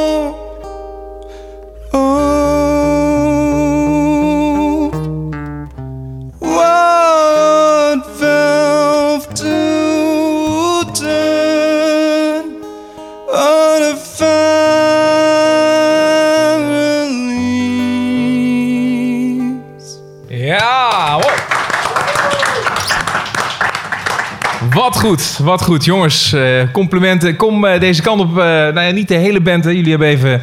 eh, eh, jullie hebben ge- geloot, denk ik, hè? Wie, wie hier aan tafel. Ja, precies. Die komt de delegatie van de band. Wat goed zeg. Ja, ik, het, leuke is, dit, je kunt dit niet ergens eh, in plaatsen. Je, je denkt dat je dit geluid kent. Maar ik zou het niet nergens mee kunnen vergelijken. Nee, dat is een stel op zich. Dat is knap. Ja, dat is hartstikke goed, jongens. Dank u, dank u. Welkom eh, hier aan tafel. Dank u wel. Dank Leuk u. eh, dat jullie zijn. Eh, Stel je even voor en daarna even de rest van de band natuurlijk. Eh, ik ben eh, Max, drummer van de band. En eh, Yes, eh, Florian, zanger van de band. En eh, we hebben op bas hebben we Maarten van den Ende. Eh, we hebben op eh leadgitaar hebben we Chris Fontijn. En eh, op toetsen en keys, synthesizer en alles wat zwart-wit is... eh, hebben we Marleen Kuipers. Ja, goed gedaan jongens. Eh, allereerst gefeliciteerd met eh, de Ja. winst Ja. Heel erg bedankt. van, eh, van afgelopen zaterdag van, het, eh, van deze editie van het Alleen Festival. Jullie stonden hier ook op te treden. Ook hier in het eh café. zeker, het was even passen en meten met z'n vijf op het podium en eh, in vol ornaat. Maar Ja. het is gelukt. Ik heb me laten vertellen eh, dat, eh, dat zei Tom, dat het, het, het, het podium had nog nooit zo vol gestaan. in het café. Had jij je drumkit erbij staan? Ik had mijn drumkit erbij Jeetje, staan. Ja, ja. Kunnen we toch weer de boeken in? ja, Dat is een precies. soort van record al. hè? Yes. Al. Hey, leuk. En eh, ja, even, even over die open call. Eh, je meldt je op een gegeven moment aan voor zoiets. Wat verwacht je dan daarvan eigenlijk? ja, van zo'n open call weet je eigenlijk nooit wat je kan verwachten. Want je hebt, je hebt zoveel aanmeldingen. Er zijn zoveel goede talenten. Eh, alleen al als, het, als je over, naar Utrecht kijkt. We, gaan best wel een tijdje mee. En als je veel speelt op een plek en ook gewoon in Nederland... dan kom je zoveel goede andere acts tegen. Wat super inspirerend is, maar soms ook gewoon best wel imponerend. Dat je denkt, wow. Ja. eh, Ja. Maar tegelijkertijd weet je niet of die bands meedoen bijvoorbeeld. Of Nee. die Nee, zich klopt. hebben aangemeld. Je weet niet wat je concurrentie in die zin is. Nee, Dat is ook niet wat je kansen zijn. Nee. Ik, ik denk ook dat dat net ook een beetje bleek uit eh, jouw gesprek met Norbert. Zeg maar, dat het, je weet dat de selectie van bands heel lastig is. Je weet dat er een objectief deel is. Dat mensen op zoek zijn naar een, een geluid wat aanspreekt. Maar wat, dat er ook een subjectief, een subjectief deel aan zit. Dat mensen ook luisteren naar wat ze aangenaam vinden. En ik denk op een gegeven moment hebben we gewoon iets meer de strategie genomen van... we gaan gewoon elke plek die ons aanspreekt om te spelen, gaan we gewoon proberen. We proberen een goed promo promo-verhaaltje in elkaar te zetten dat past bij de muziek, wat past bij ons. Eh, we hebben vele fotoshoots, denk ik, uiteindelijk nodig gehad... om ook de sfeer op, op beeld te krijgen wat we bij onze band zoeken. En we proberen gewoon alle plekken aan te schrijven waar wij eh, graag willen spelen. En eh, Ja, daar zat Helene bij, zeker. mooi. Eh, la- laten we even, even teruggaan naar het begin. Eh, want ergens zijn jullie, hebben jullie elkaar gevonden. Is dat op een of andere manier samengekomen tot een band. Ja, waar was dat? Wie, wie kan dat het beste vertellen? Wie- jij, jij was er al eh, vanaf het begin af bij, hè? Ja, ja. ik zit hier voor de, voor geschiedenis. Ja, ja, ja, maar de geschiedenisles. Dit is onze historicus. Ja, dat is de bandhistoricus. Eh, het begon eind 2014, eh, de band. Ehm, ik was al een tijdje bezig met muziek eh, maken en eh, improviseren met de andere mu- muzikanten uit Utrecht omgeving in de zolder van de drankengroothandel van mijn ouders. En eh, uiteindelijk ontstond daar een wat eh, vastere formatie uit. Ook echt met het doel om een eh, band te gaan vormen. Toen speelden we eerst eh, één optreden, we geloof ik instrumentaal gedaan. Met bas, keys, eh, drums en, eh, en gitaar. En via de middelbare school van de bassist heeft Florian ons toen online gevonden. Zover gaan we dus terug. Ja. ja. Ja. En eh, nou, daar ontstond eigenlijk Between the Jars uit. En sindsdien hebben we niet heel veel wisselingen meer gehad. We hebben van twee leden in de, in de tussentijd hebben we nog gewisseld. Eh, maar sinds eind 2014 zijn we wel bezig met een doel in de zolder van de drankengroothandel. En daar is niet zoveel aan veranderd. Ja. En het is wel mooi dat je elkaar dan eh, daarin vindt. Dat je ook een gezamenlijk eh, doel vindt. wa- wa- waarbij iedereen ook ja, daar gelijk gestemd in is. Ja. Ging, ging dat makkelijk of was het een soort van eh, zoektocht? Nou, je ziet ook wel dat we als band gewoon wel... Een, een- je, je maakt een, een, evolutie door. Ik denk dat dat anders is misschien bij ons dan als bijvoorbeeld bij... Ik heb, nou, maar weet ik de bandgeschiedenis van bijvoorbeeld Fantastic ook niet. Maar dat ziet eruit als een heel erg strak product. En ik denk dat wij... eh, wij zijn best wel zoekende geweest ook naar wat die identiteit dan moet worden of moet zijn. Waar, waar, we, hadden een herkenbaar punt. En we hielden allemaal van muziek. En het lag allemaal een beetje eh, in de periodes die geweest zijn. Eh 70s, 60s, 80s. Ehm, en in het begin denken we dat, denk ik dat we daar wat meer naartoe trokken. En nu zijn we eigenlijk steeds meer aan het, ja, ja, aan het vinden wat onze eigen sound daarin is. Wat kunnen we nou eigenlijk uit die periodes halen? En ook uit de bands die we tegenwoordig juist zien, waar we heel erg geïnspireerd door worden. Ehm, en hoe kunnen we dat een soort van mengen tot iets wat veel dichter bij ons ligt en wat, nou ja, zoals ik jullie net hoor zeggen, hopelijk ook een soort van unieke sound eh, Ja. creëert. eh, waar wij ook gewoon heel erg blij mee zijn. Ja, dat, dat gevoel krijg ik wel. eh, dat, Nou ja, het is natuurlijk best nou, wel lastig, hè? Want je bent met, met vijf bandleden, als ik Ja, zo ja. even snel tel. Ja. Nou, iedereen heeft eigen muzieksmaak, favoriete bands. Dat moet allemaal maar bij elkaar komen. Misschien eh ben jij een kant op, zegt eh, iemand anders van... nou, daar heb ik echt geen zin in. Ja, er zijn clusters van eh, fans van hier en daar. En, ja. Maar wel in die decennia die jij dus net, net zegt. Dus het is allemaal wel van een tijdje terug. Dus, dus, dus daar zat, zit wel ergens een voorliefde. Ondanks Ja. dat de gemiddelde leeftijd van de band... Wat was het ook weer? 30? Nee, Eind- eind 20? 27. 27. 27 is de gemiddelde leeftijd? Oké, ja, ja. Nou, ik trek het gemiddelde omhoog. ja, precies. Maar nou ja, goed, het, zijn, het gaat over decennia die jullie niet eh, bewust hebben meegemaakt. Nee, ik denk dat, dat we toen in 2014 startten, dat dat echt zeg maar, ons aanknopingspunt was. Dat dat was ons gemeenschappelijke interesse, zeg maar die, die 70s. Toen luisterden we veel naar Pink Floyd, Led Zeppelin, eh, dat soort acts. Eh, later zijn onze muzieksmaken eigenlijk ook meer gaan variëren en soms wat meer uit elkaar gaan liggen. Dat heeft ook heus wel eens voor frictie gezorgd. Eh, maar ik denk wat op een gegeven moment, na heel veel uren gewoon repeteren, improviseren, opnemen, terugluisteren, welk punt heel erg, ons heel erg heeft geholpen, is dat we op een gegeven moment iets meer een feeling kregen van hoe kunnen wij nou onze gevarieerde interesses mengen in een gemeenschappelijk geluid dat ook nog eens een beetje een eigen identiteit heeft en uniek is. En toen we daar iets meer feeling voor begonnen te krijgen, begon het ook weer makkelijker te worden om samen muziek te maken. Want dan kun je doen wat je leuk vindt en ook iets doen waar iedereen zich eh, thuis in voelt. Ja. Nou, daar ligt ook wel de echte verslaving. Gewoon dat we gewoon met zo'n vijven gewoon heel erg fi- fijn samenspelen. Het is gewoon, ondanks dat we misschien soms andere invloeden hebben, eh, samen muziek maken met elkaar met deze groep is gewoon echt eh, een heel groot plezier. Ja, je noemt het zelfs een verslaving. Ja, het is- dus, ja. dus dat betekent dat de handjes beginnen te trillen als je de week niet meer hebt gedaan. Nou ja, normaal repeteren we altijd op dinsdagavond. En ik zei net nog, ik vind het eigenlijk best wel jammer dat we nu vanavond niet repeteren. Maar dit is ook fantastisch, Ik wou daar niet van. is Maar ongeveer het- hetzelfde. Ja, ja, ja. Florian wil nog even een nachtsessie aan toevoegen, maar eh, we moeten morgen weer werken. Het is ook gewoon een andere repetitieruimte dit. Ja, daarom zo. Soms, soms zie je het ook zo. Ja, ja. Maar die identiteit, hoe zou je dat nu dan in een paar zinnen omschrijven? Waar je dus nu uiteindelijk eh, op uit bent gekomen? Lastig. Ja? Ehm, ik denk dat we op een gegeven moment meer bewust naar artiesten als King Gizzard en Lizard Wizard zijn geluisterd. Toch wel een bekende rockband is van de afgelopen vijf jaar. Eh, Radiohead, natuurlijk alweer iets klassieker, maar zeker een stuk recenter dan in de jaren zeventig. En ook Ja. hebben kunnen kijken hoe we dat soort invloeden konden inmengen in ons eigen geluid. Daarnaast werkten we vroeger ook vanuit Kies heel veel met eh, wat traditionelere geluiden, zoals Hammond en Rhodes, eh, piano. Dat doen we nog steeds, waar het past. Want het moet altijd het nummer ook het mooist dienen. Ja. Maar we proberen ook zeker vanuit toetsen wat modernere invloeden te verwerken. En ook eh, meer synthesizers toe te voegen. Soms ook wat meer ambient-achtige geluiden bij de muziek toe te voegen. En via die wegen een fris geluid creëren. Ja. Het is ook moeilijk om zoiets te omschrijven. Ja. Het is meer een gevoel ook natuurlijk. hè? dat probeer je nou zo, voel ik dit. Ja, ja, ja, ja. En als jullie dan een, eh, in de, eh, een nieuw nummer willen maken of in, de, in zo'n ruimte zitten, wie is dan de aanjager of is dat elke keer iemand anders? Nou, Florian, die me zit, jaagt wel veel, heel veel, heel veel ideeën aan. Daar moeten wij... eh, te- Ja, nooit. Ik, zo- ik, kom meest denk ik met basisideeën van, van of concepten of iets, iets dat ik thuis heb geschreven. Maar het is wel altijd met het idee dat ik gooi het het liefst, zal maar zeggen, gewoon de groep in. En dan, je hebt er altijd een, een, een, een groter idee bij. Eh, Ik denk ook graag, zal maar zeggen, in gewoon vol ornaat. Ik probeer het nooit alleen te schrijven vanuit zang gitaarperspectief of zo. Maar ik denk ook heel graag meteen, oké, wat doet de tweede gitaar? Wat doet hier eh, de drums? Wat voor ritme en wat voor vibe? Ehm, maar uiteindelijk gooi je het gewoon, eh, kom je met iets, met een idee en dat gooi je dan de groep in. En dan wordt het altijd, verrast het me, wat het uiteindelijk Wordt anders, ja. Het wordt, want iedereen heeft toch weer zijn eigen twist en zijn eigen, eh, ja, zijn eigen inbreng. En dat, dat maakt het uiteindelijk ook dat het echt iets van ons is. En we, we hadden het net natuurlijk met, met Norbert over, eh, nou ja, hè, hoe, hoe denk je na dan in dat proces?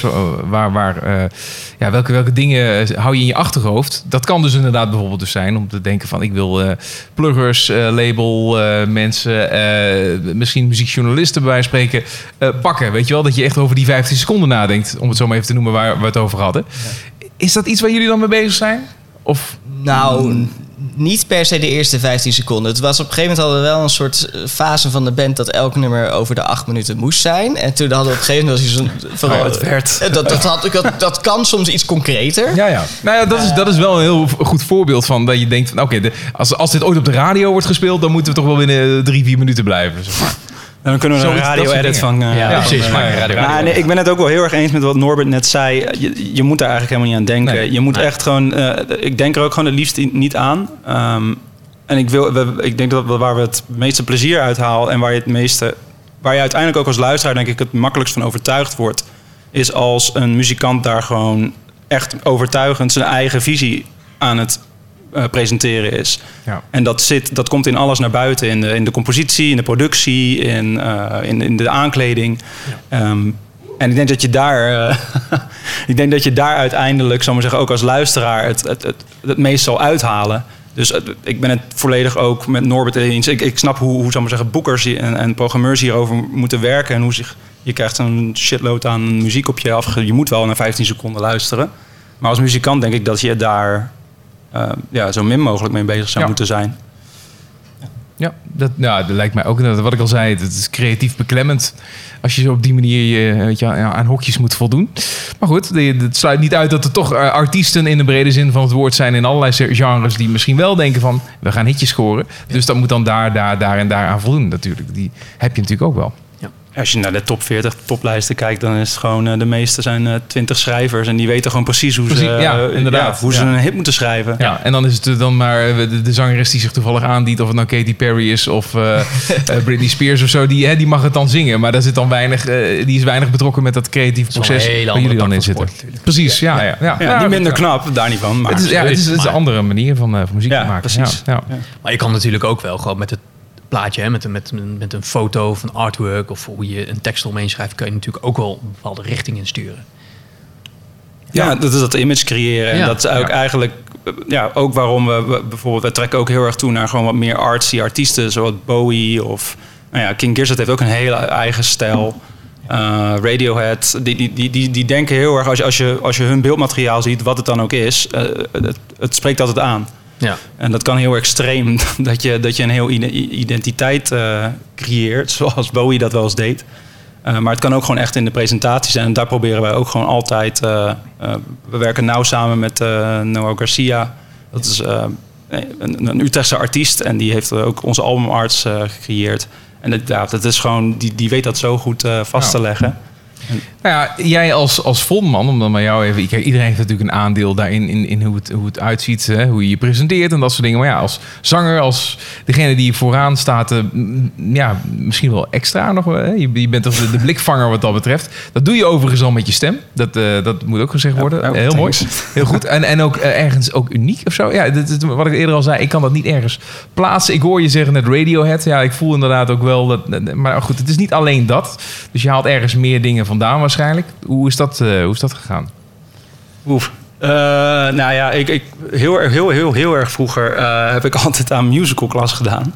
Eh, en ik, vond, ik wilde Toch eigenlijk... de het Wizard liefst- of Oz. Daar gaat hij, daar gaat hij. Daar komt hij. Ja, mijn grootste... Nee. Ja. Dus ik, ik denk dat het daar een beetje dat theatrale altijd al vroeg geworteld was in mij. Ehm, en eigenlijk toen kwam ik in een soort van situatie waarin ik eh, meer met muziek bezig was. Vanuit, vanuit huis uit altijd. Mijn vader is groot Stones fan, dus ja, dan hoor je veel Mick Jagger. En Mick Jagger is al een vrij aparte presentatie, ook qua stem en eh, qua zang. Ehm, en daarna kwam ik eigenlijk in een fase waarin ik eigenlijk het liefst gewoon klonk zoals Steven Tyler van Aerosmith. Dus eh, Oké. Overstuurd. ja, dus ik, daar heb ik een beetje die, eh, die rasp in mijn stem mee ontwikkeld. Omdat ik dat heel lang heel erg perfect probeerde na te doen. Eh, en uiteindelijk een soort van heb losgelaten. En daar, daar, ja, dan creëer je dan een soort van eigen... Uiteindelijk een, je eigen weg in. Ja. Ehm, maar ja, ik, ik denk binnen de hele band... Je, je moet uiteindelijk...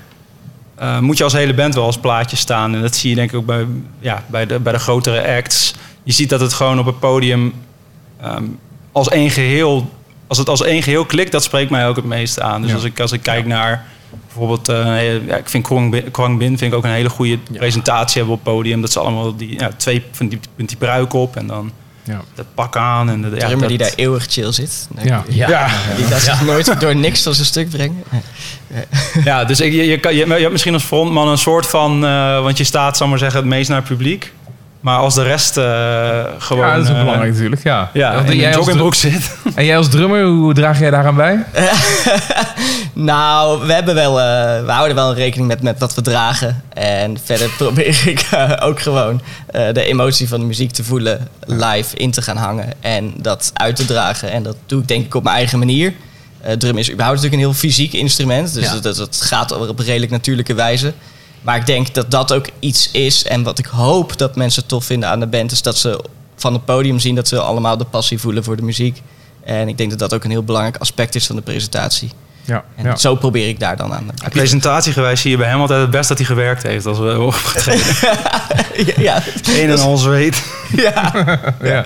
Heb jij een fa- favoriete drummer eh, of all time? zeker. Ja, ja, ja. Nou, ik heb er drie, maar of all time ga ik toch voor Ian Pace van Deep Purple. Eh, John Bonham van ehm, Led Zeppelin. En van een totaal, uit een totaal andere hoek Dave Weckl. En dat is dan meer uit de jazz, eh, jazz fusion hoek.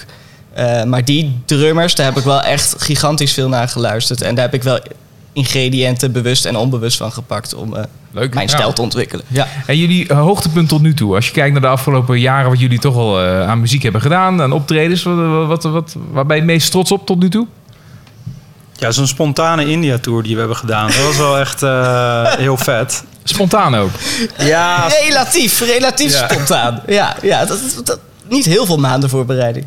Nee, nee. We, we werden gevraagd door een van eh, een heel groot studentenfestival daar, eh Mood Indigo. Eh, en wij dachten, nou, dat is heel vet dat we worden gevraagd. Maar ja, we, het kost een hele hoop geld om daar naartoe te gaan. En eh één show, hoe gaan we dat allemaal doen? Eh, dus toen uiteindelijk hebben we er meer shows omheen kunnen boeken. En toen dachten we van, oké, nou ja, nog een benefietconcert eromheen. En als we dan genoeg geld kunnen inzamelen voor de tickets... dan kunnen we misschien toch spontaan, soort van spontaan... eh, Ja. zo ver van Nederland verwijderd als beginnende band eh, optreden. En dat was wel eh, heel speciaal. Vooral ook de reactie die we daar kregen was eh, heel uitbundig.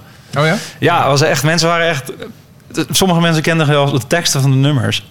Oh, dat, is wel, dat is wel bizar, ja. Ja, dat, eh, en dat, dat, dat hebben we nog nooit meegemaakt hier in ieder geval. Nee, ja, buiten, buiten de, de ouders. En Die gaan, die gaan dan voorbereid naar een optreden toe. Dus, ja, ja eh, nou, we werden ook opgehaald op het eh, vliegveld door eh, wat eh, studentenassistenten, zeg maar studentwerknemers van de universiteit, waar we de eerste show speelden. En we zaten in de auto met de jongens. En het eerste dat ze zeiden van... ja, jullie eh, nummer 100 Days van de EP Cyrus vind ik echt geweldig. Nou, ik had dat net tien uur gereisd. Nou, langer, 14 uur gereisd. Je reist de hele wereld rond. Je komt in India aan en dat dan studenten dat tegen je zeggen. Dat was bizar. heel bizar. Ja, en ja. een enorme eer. Ja. Ja. Ja. Dus bij Spotify heb je luistergedrag, staat Amsterdam en Ja. Mumbai. ja, ja, ja. En dan een piek in India. Oh, heel mooi. Hoe Leuk zeg. Nou ja, dan even fantaseren. Hè? Want als je dan even vooruitblikt en je kijkt even vijf of tien jaar verder. Waar, waar, waar die, wat, wat, is, wat is een doel? Wat is een gezamenlijk doel? Daar hebben jullie het ongetwijfeld over gehad. Tussen het repeteren van de platen door op je, in jullie studio. Dat je denkt van, jongens, wanneer gaan we dit nou eens een keer bereiken? En we schuiven hem elk jaar op. Wembley 2022. Wembley Ik 2023. zeg al, eh, sinds Op het 2014 stadion? de Wembley plus, plus één jaar. Maar nou, ik denk dat we over de jaren op een gezonde manier onze am- ambities een beetje hebben bijgesteld. Eh, voor mij persoonlijk, maar ik denk dat Florian ook net een andere kijk erop hebt. Dus het is ook interessant om te horen wat jij daarover te zeggen. Maar ik, voor mij zou het een eer zijn als ik mezelf zou kunnen onderhouden. En muziek zou kunnen blij- blijven maken met deze vier andere mensen. Ja. Want, dat, eh, is, dat, is, dat is een hele mooie, bescheiden Ja. eh, eh, doelstelling. ja. maar, maar als je ook mag, mag fantaseren, dat je echt, bedoel, want die zijn er. Ik, er zijn ergens fantasie, ergens bij jullie, dat je denkt van, nou, kom op jongens. Als dit ooit een keer kan gebeuren, als dat nou lukt. Nou ja, ik, ik, natuurlijk droom ik wel eens van echt van hele grote shows en festivals. We hebben er soms een klein beetje van mogen proeven, maar nog op, op, op een bescheiden manier. En dat is fantastisch. Ik vind het fantastisch als je een connectie kan maken live met mensen op het publiek. En je geniet samen van een bepaalde sfeer, van een bepaald gevoel dat je neerzet. Eh, maar ik moet ook zeggen dat ik altijd echt gigantisch geniet van onze studiotijd. En samen gaan zitten, samen schrijven, terugluisteren, bezig zijn met geluid, kijken hoe we het geluid kunnen verbeteren, bezig zijn met songwriting. En nou ja, het zou voor mij echt een, een droom zijn als ik dat voor werk met deze mensen zou kunnen doen. Dat Ja. zijn echt heel veel eh, genietmomenten voor mij. En jij zegt stadion vullen. Nou ja, als het dan toch mag kiezen. eh.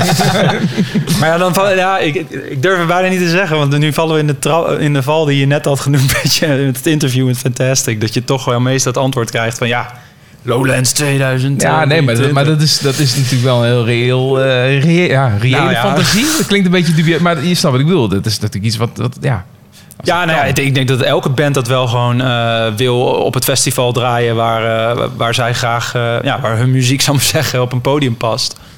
Maar ik deel ook absoluut, zal ik maar zeggen, de, de droom slash ambitie van, van Mini. dat, dat we uiteindelijk hier gewoon, als we hier daadwerkelijk onze carrière van kunnen maken of onze professie, ja, dat, dat zou eigenlijk de mooiste ambitie zijn. Ja, ja. En of dat nou op Lowlands podium of eh, op Wembley of eh, dat je gewoon de uitverkochte Paradiso of Echo mag draaien.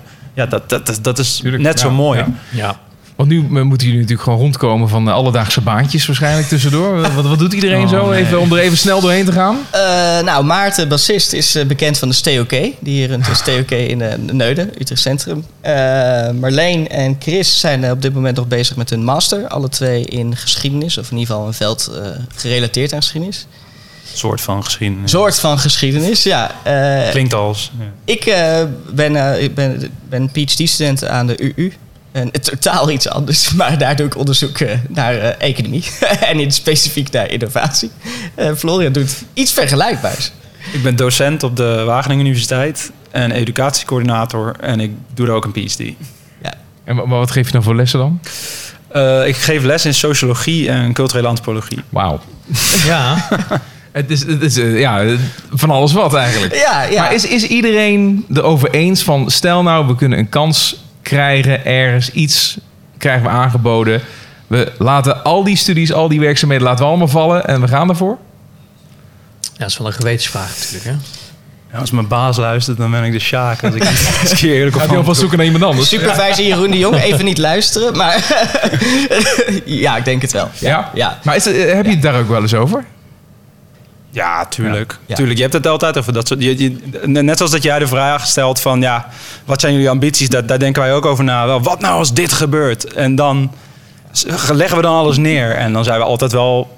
Is er wel een soort van unaniem Ja. eh, antwoord nou ja, daarop? het, het zal je verbazen maar de- misschien, maar we hebben wel eens eh, artiesten geïnterviewd die gewoon zeggen van, nee, dat ga ik niet doen. Oh, ja. Ik heb een hele mooie baan en eh, daar heb ik hard voor gewerkt, ook op die manier. En ik ga dat niet zomaar eh, laten varen. Ja, dat snap ik ook. Ja, Ja, dat ja, dat, dat, ja, precies. Ja. ja. Het is ook een hele mooie serieuze hobby. Soms zeggen, als Ja. je er muziek maken. ja, het is ook gewoon een passie die je inderdaad in je vrije tijd kan doen. En, En andere banen zijn gewoon ja, financieel zekerder. Ja, ja, precies. ja, nee, ja, want fin- financiën en geld verdienen met muziek, dat is natuurlijk, eh, dat blijft moeilijk. Dat, ja, dat ja, is een eh, uitdaging. Ja, ja, dus alleen om die reden, hou die baantjes nog even vast. Dat heeft menig creatief geest, denk ik. eh Ja, ja. Even op. Over muziek gesproken, eh, ik zou zeggen, ga weer plek nemen op de plek waar jullie waarschijnlijk je het meest thuis voelen. Yes. Met jullie instrumenten achter de microfoon. Eh, we gaan nog een keer luisteren naar eh, Between the Jars. En eh, nou, mis- misschien nog twee tracks. Dan kunnen we tussendoor nog even afsluiten. Ja joh. Eh, en dan zit deze, deze aflevering van Wat nou als het lukt live vanuit Café de Helling er alweer op. En dat sluit natuurlijk mooi af met muziek. Hier zijn ze nog een keertje. Hartstikke live. Dit is het liedje wat eh, gaat blijven hangen hè? in ieders hoofd. Hè? De- ja, oké. Nou, eh, bereid je alvast voor. Between the Jars, dit is Passing Through. Geef ze een applaus.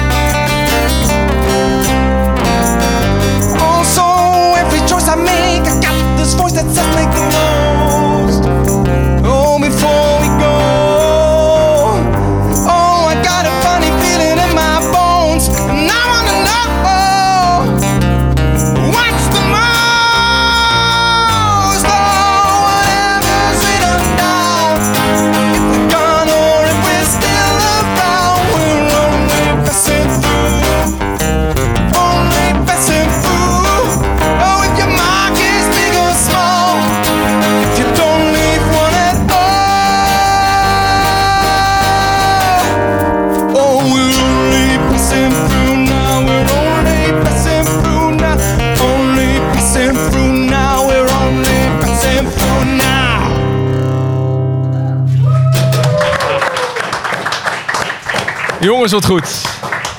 Heerlijk. Dit, ja, dit, Daniel, dadelijk lig jij vannacht lig jij in je bed. Eh, Dan gaat het zo door. Goed jongens, heerlijk. Eh, we doen er nog eentje. Ja, blijf er even zitten, dan eh, kunnen wij ondertussen even afsluiten. Eh, want eh, dit was eh, Wat Nou Als Het Lukt op locatie. Live in eh, de helling, hè? Ja, live vanaf, eh, vanuit Café De Helling. En eh, het is ontzettend leuk om, om dit te doen. Ontzettend bedankt dat je erbij was, dat je luistert. Want ja, misschien zijn we binnenkort wel weer op een andere plek natuurlijk. En wat het kan. Ja, in dat opzicht zijn wij op elke locatie wel op onze plek. Als daar maar plek is voor muziek. Dat is natuurlijk waar het over gaat. En voor nieuw talent waar je misschien al wel kennis mee kan maken op deze manier. De ene die eh, ja, wat net, echt net pas komt kijken. Of sommigen die al een aantal jaren aan de weg aan het timmeren zijn. Dat verschilt nogal. Dat heb jij mooi gezegd, jongen. Ja, toch? Dat, Ja. Is, ja, dat is het gewoon. Ondertussen volg ons gewoon via de socials. eh, check wat nou als het lukt.nl voor alle details over andere afleveringen. Eh, ik denk dat we ondertussen op zo'n 150 artiesten zijn die we hebben geïnterviewd eh, door de, de jaren heen, de afgelopen tijd. Volgens mij zit op 81 afleveringen of zo. Ja, elke aflevering twee artiesten. Nou ja, genoeg luistermateriaal wat dat betreft. En ook heel veel ja, inspiratie. Want dat is wat je natuurlijk ook opdoet bij het horen van deze verhalen. Het gaat natuurlijk over muziek, maar soms gaat het ook wel voor veel meer dan alleen dat. Eh, dat is wat nou als het lukt over dromen en ambities. En eh, ik wens natuurlijk iedereen, eh, zowel Fantastic als de band die hier nog staat en die zo gaat optreden, nog het alle geluk en succes natuurlijk voor die toekomst. Dus nou ja, hier zijn ze nog een keertje. Geef ze nog even een applaus en hier sluiten we ook mee af. Ze gaan Confessional spelen. Between the Jars. Dankjewel jongens.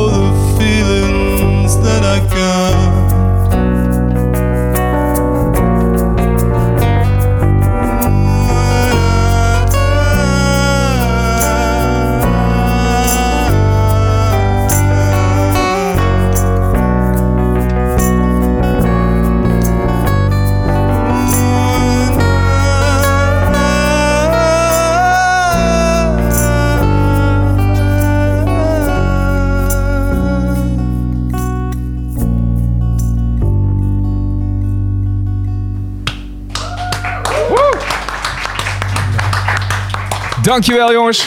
Dankjewel. Eh nogmaals iedereen hartstikke bedankt voor het spelen, voor je komst aan tafel. Eh, bedankt voor het kijken en allemaal graag tot de volgende keer. Nog een fijne avond.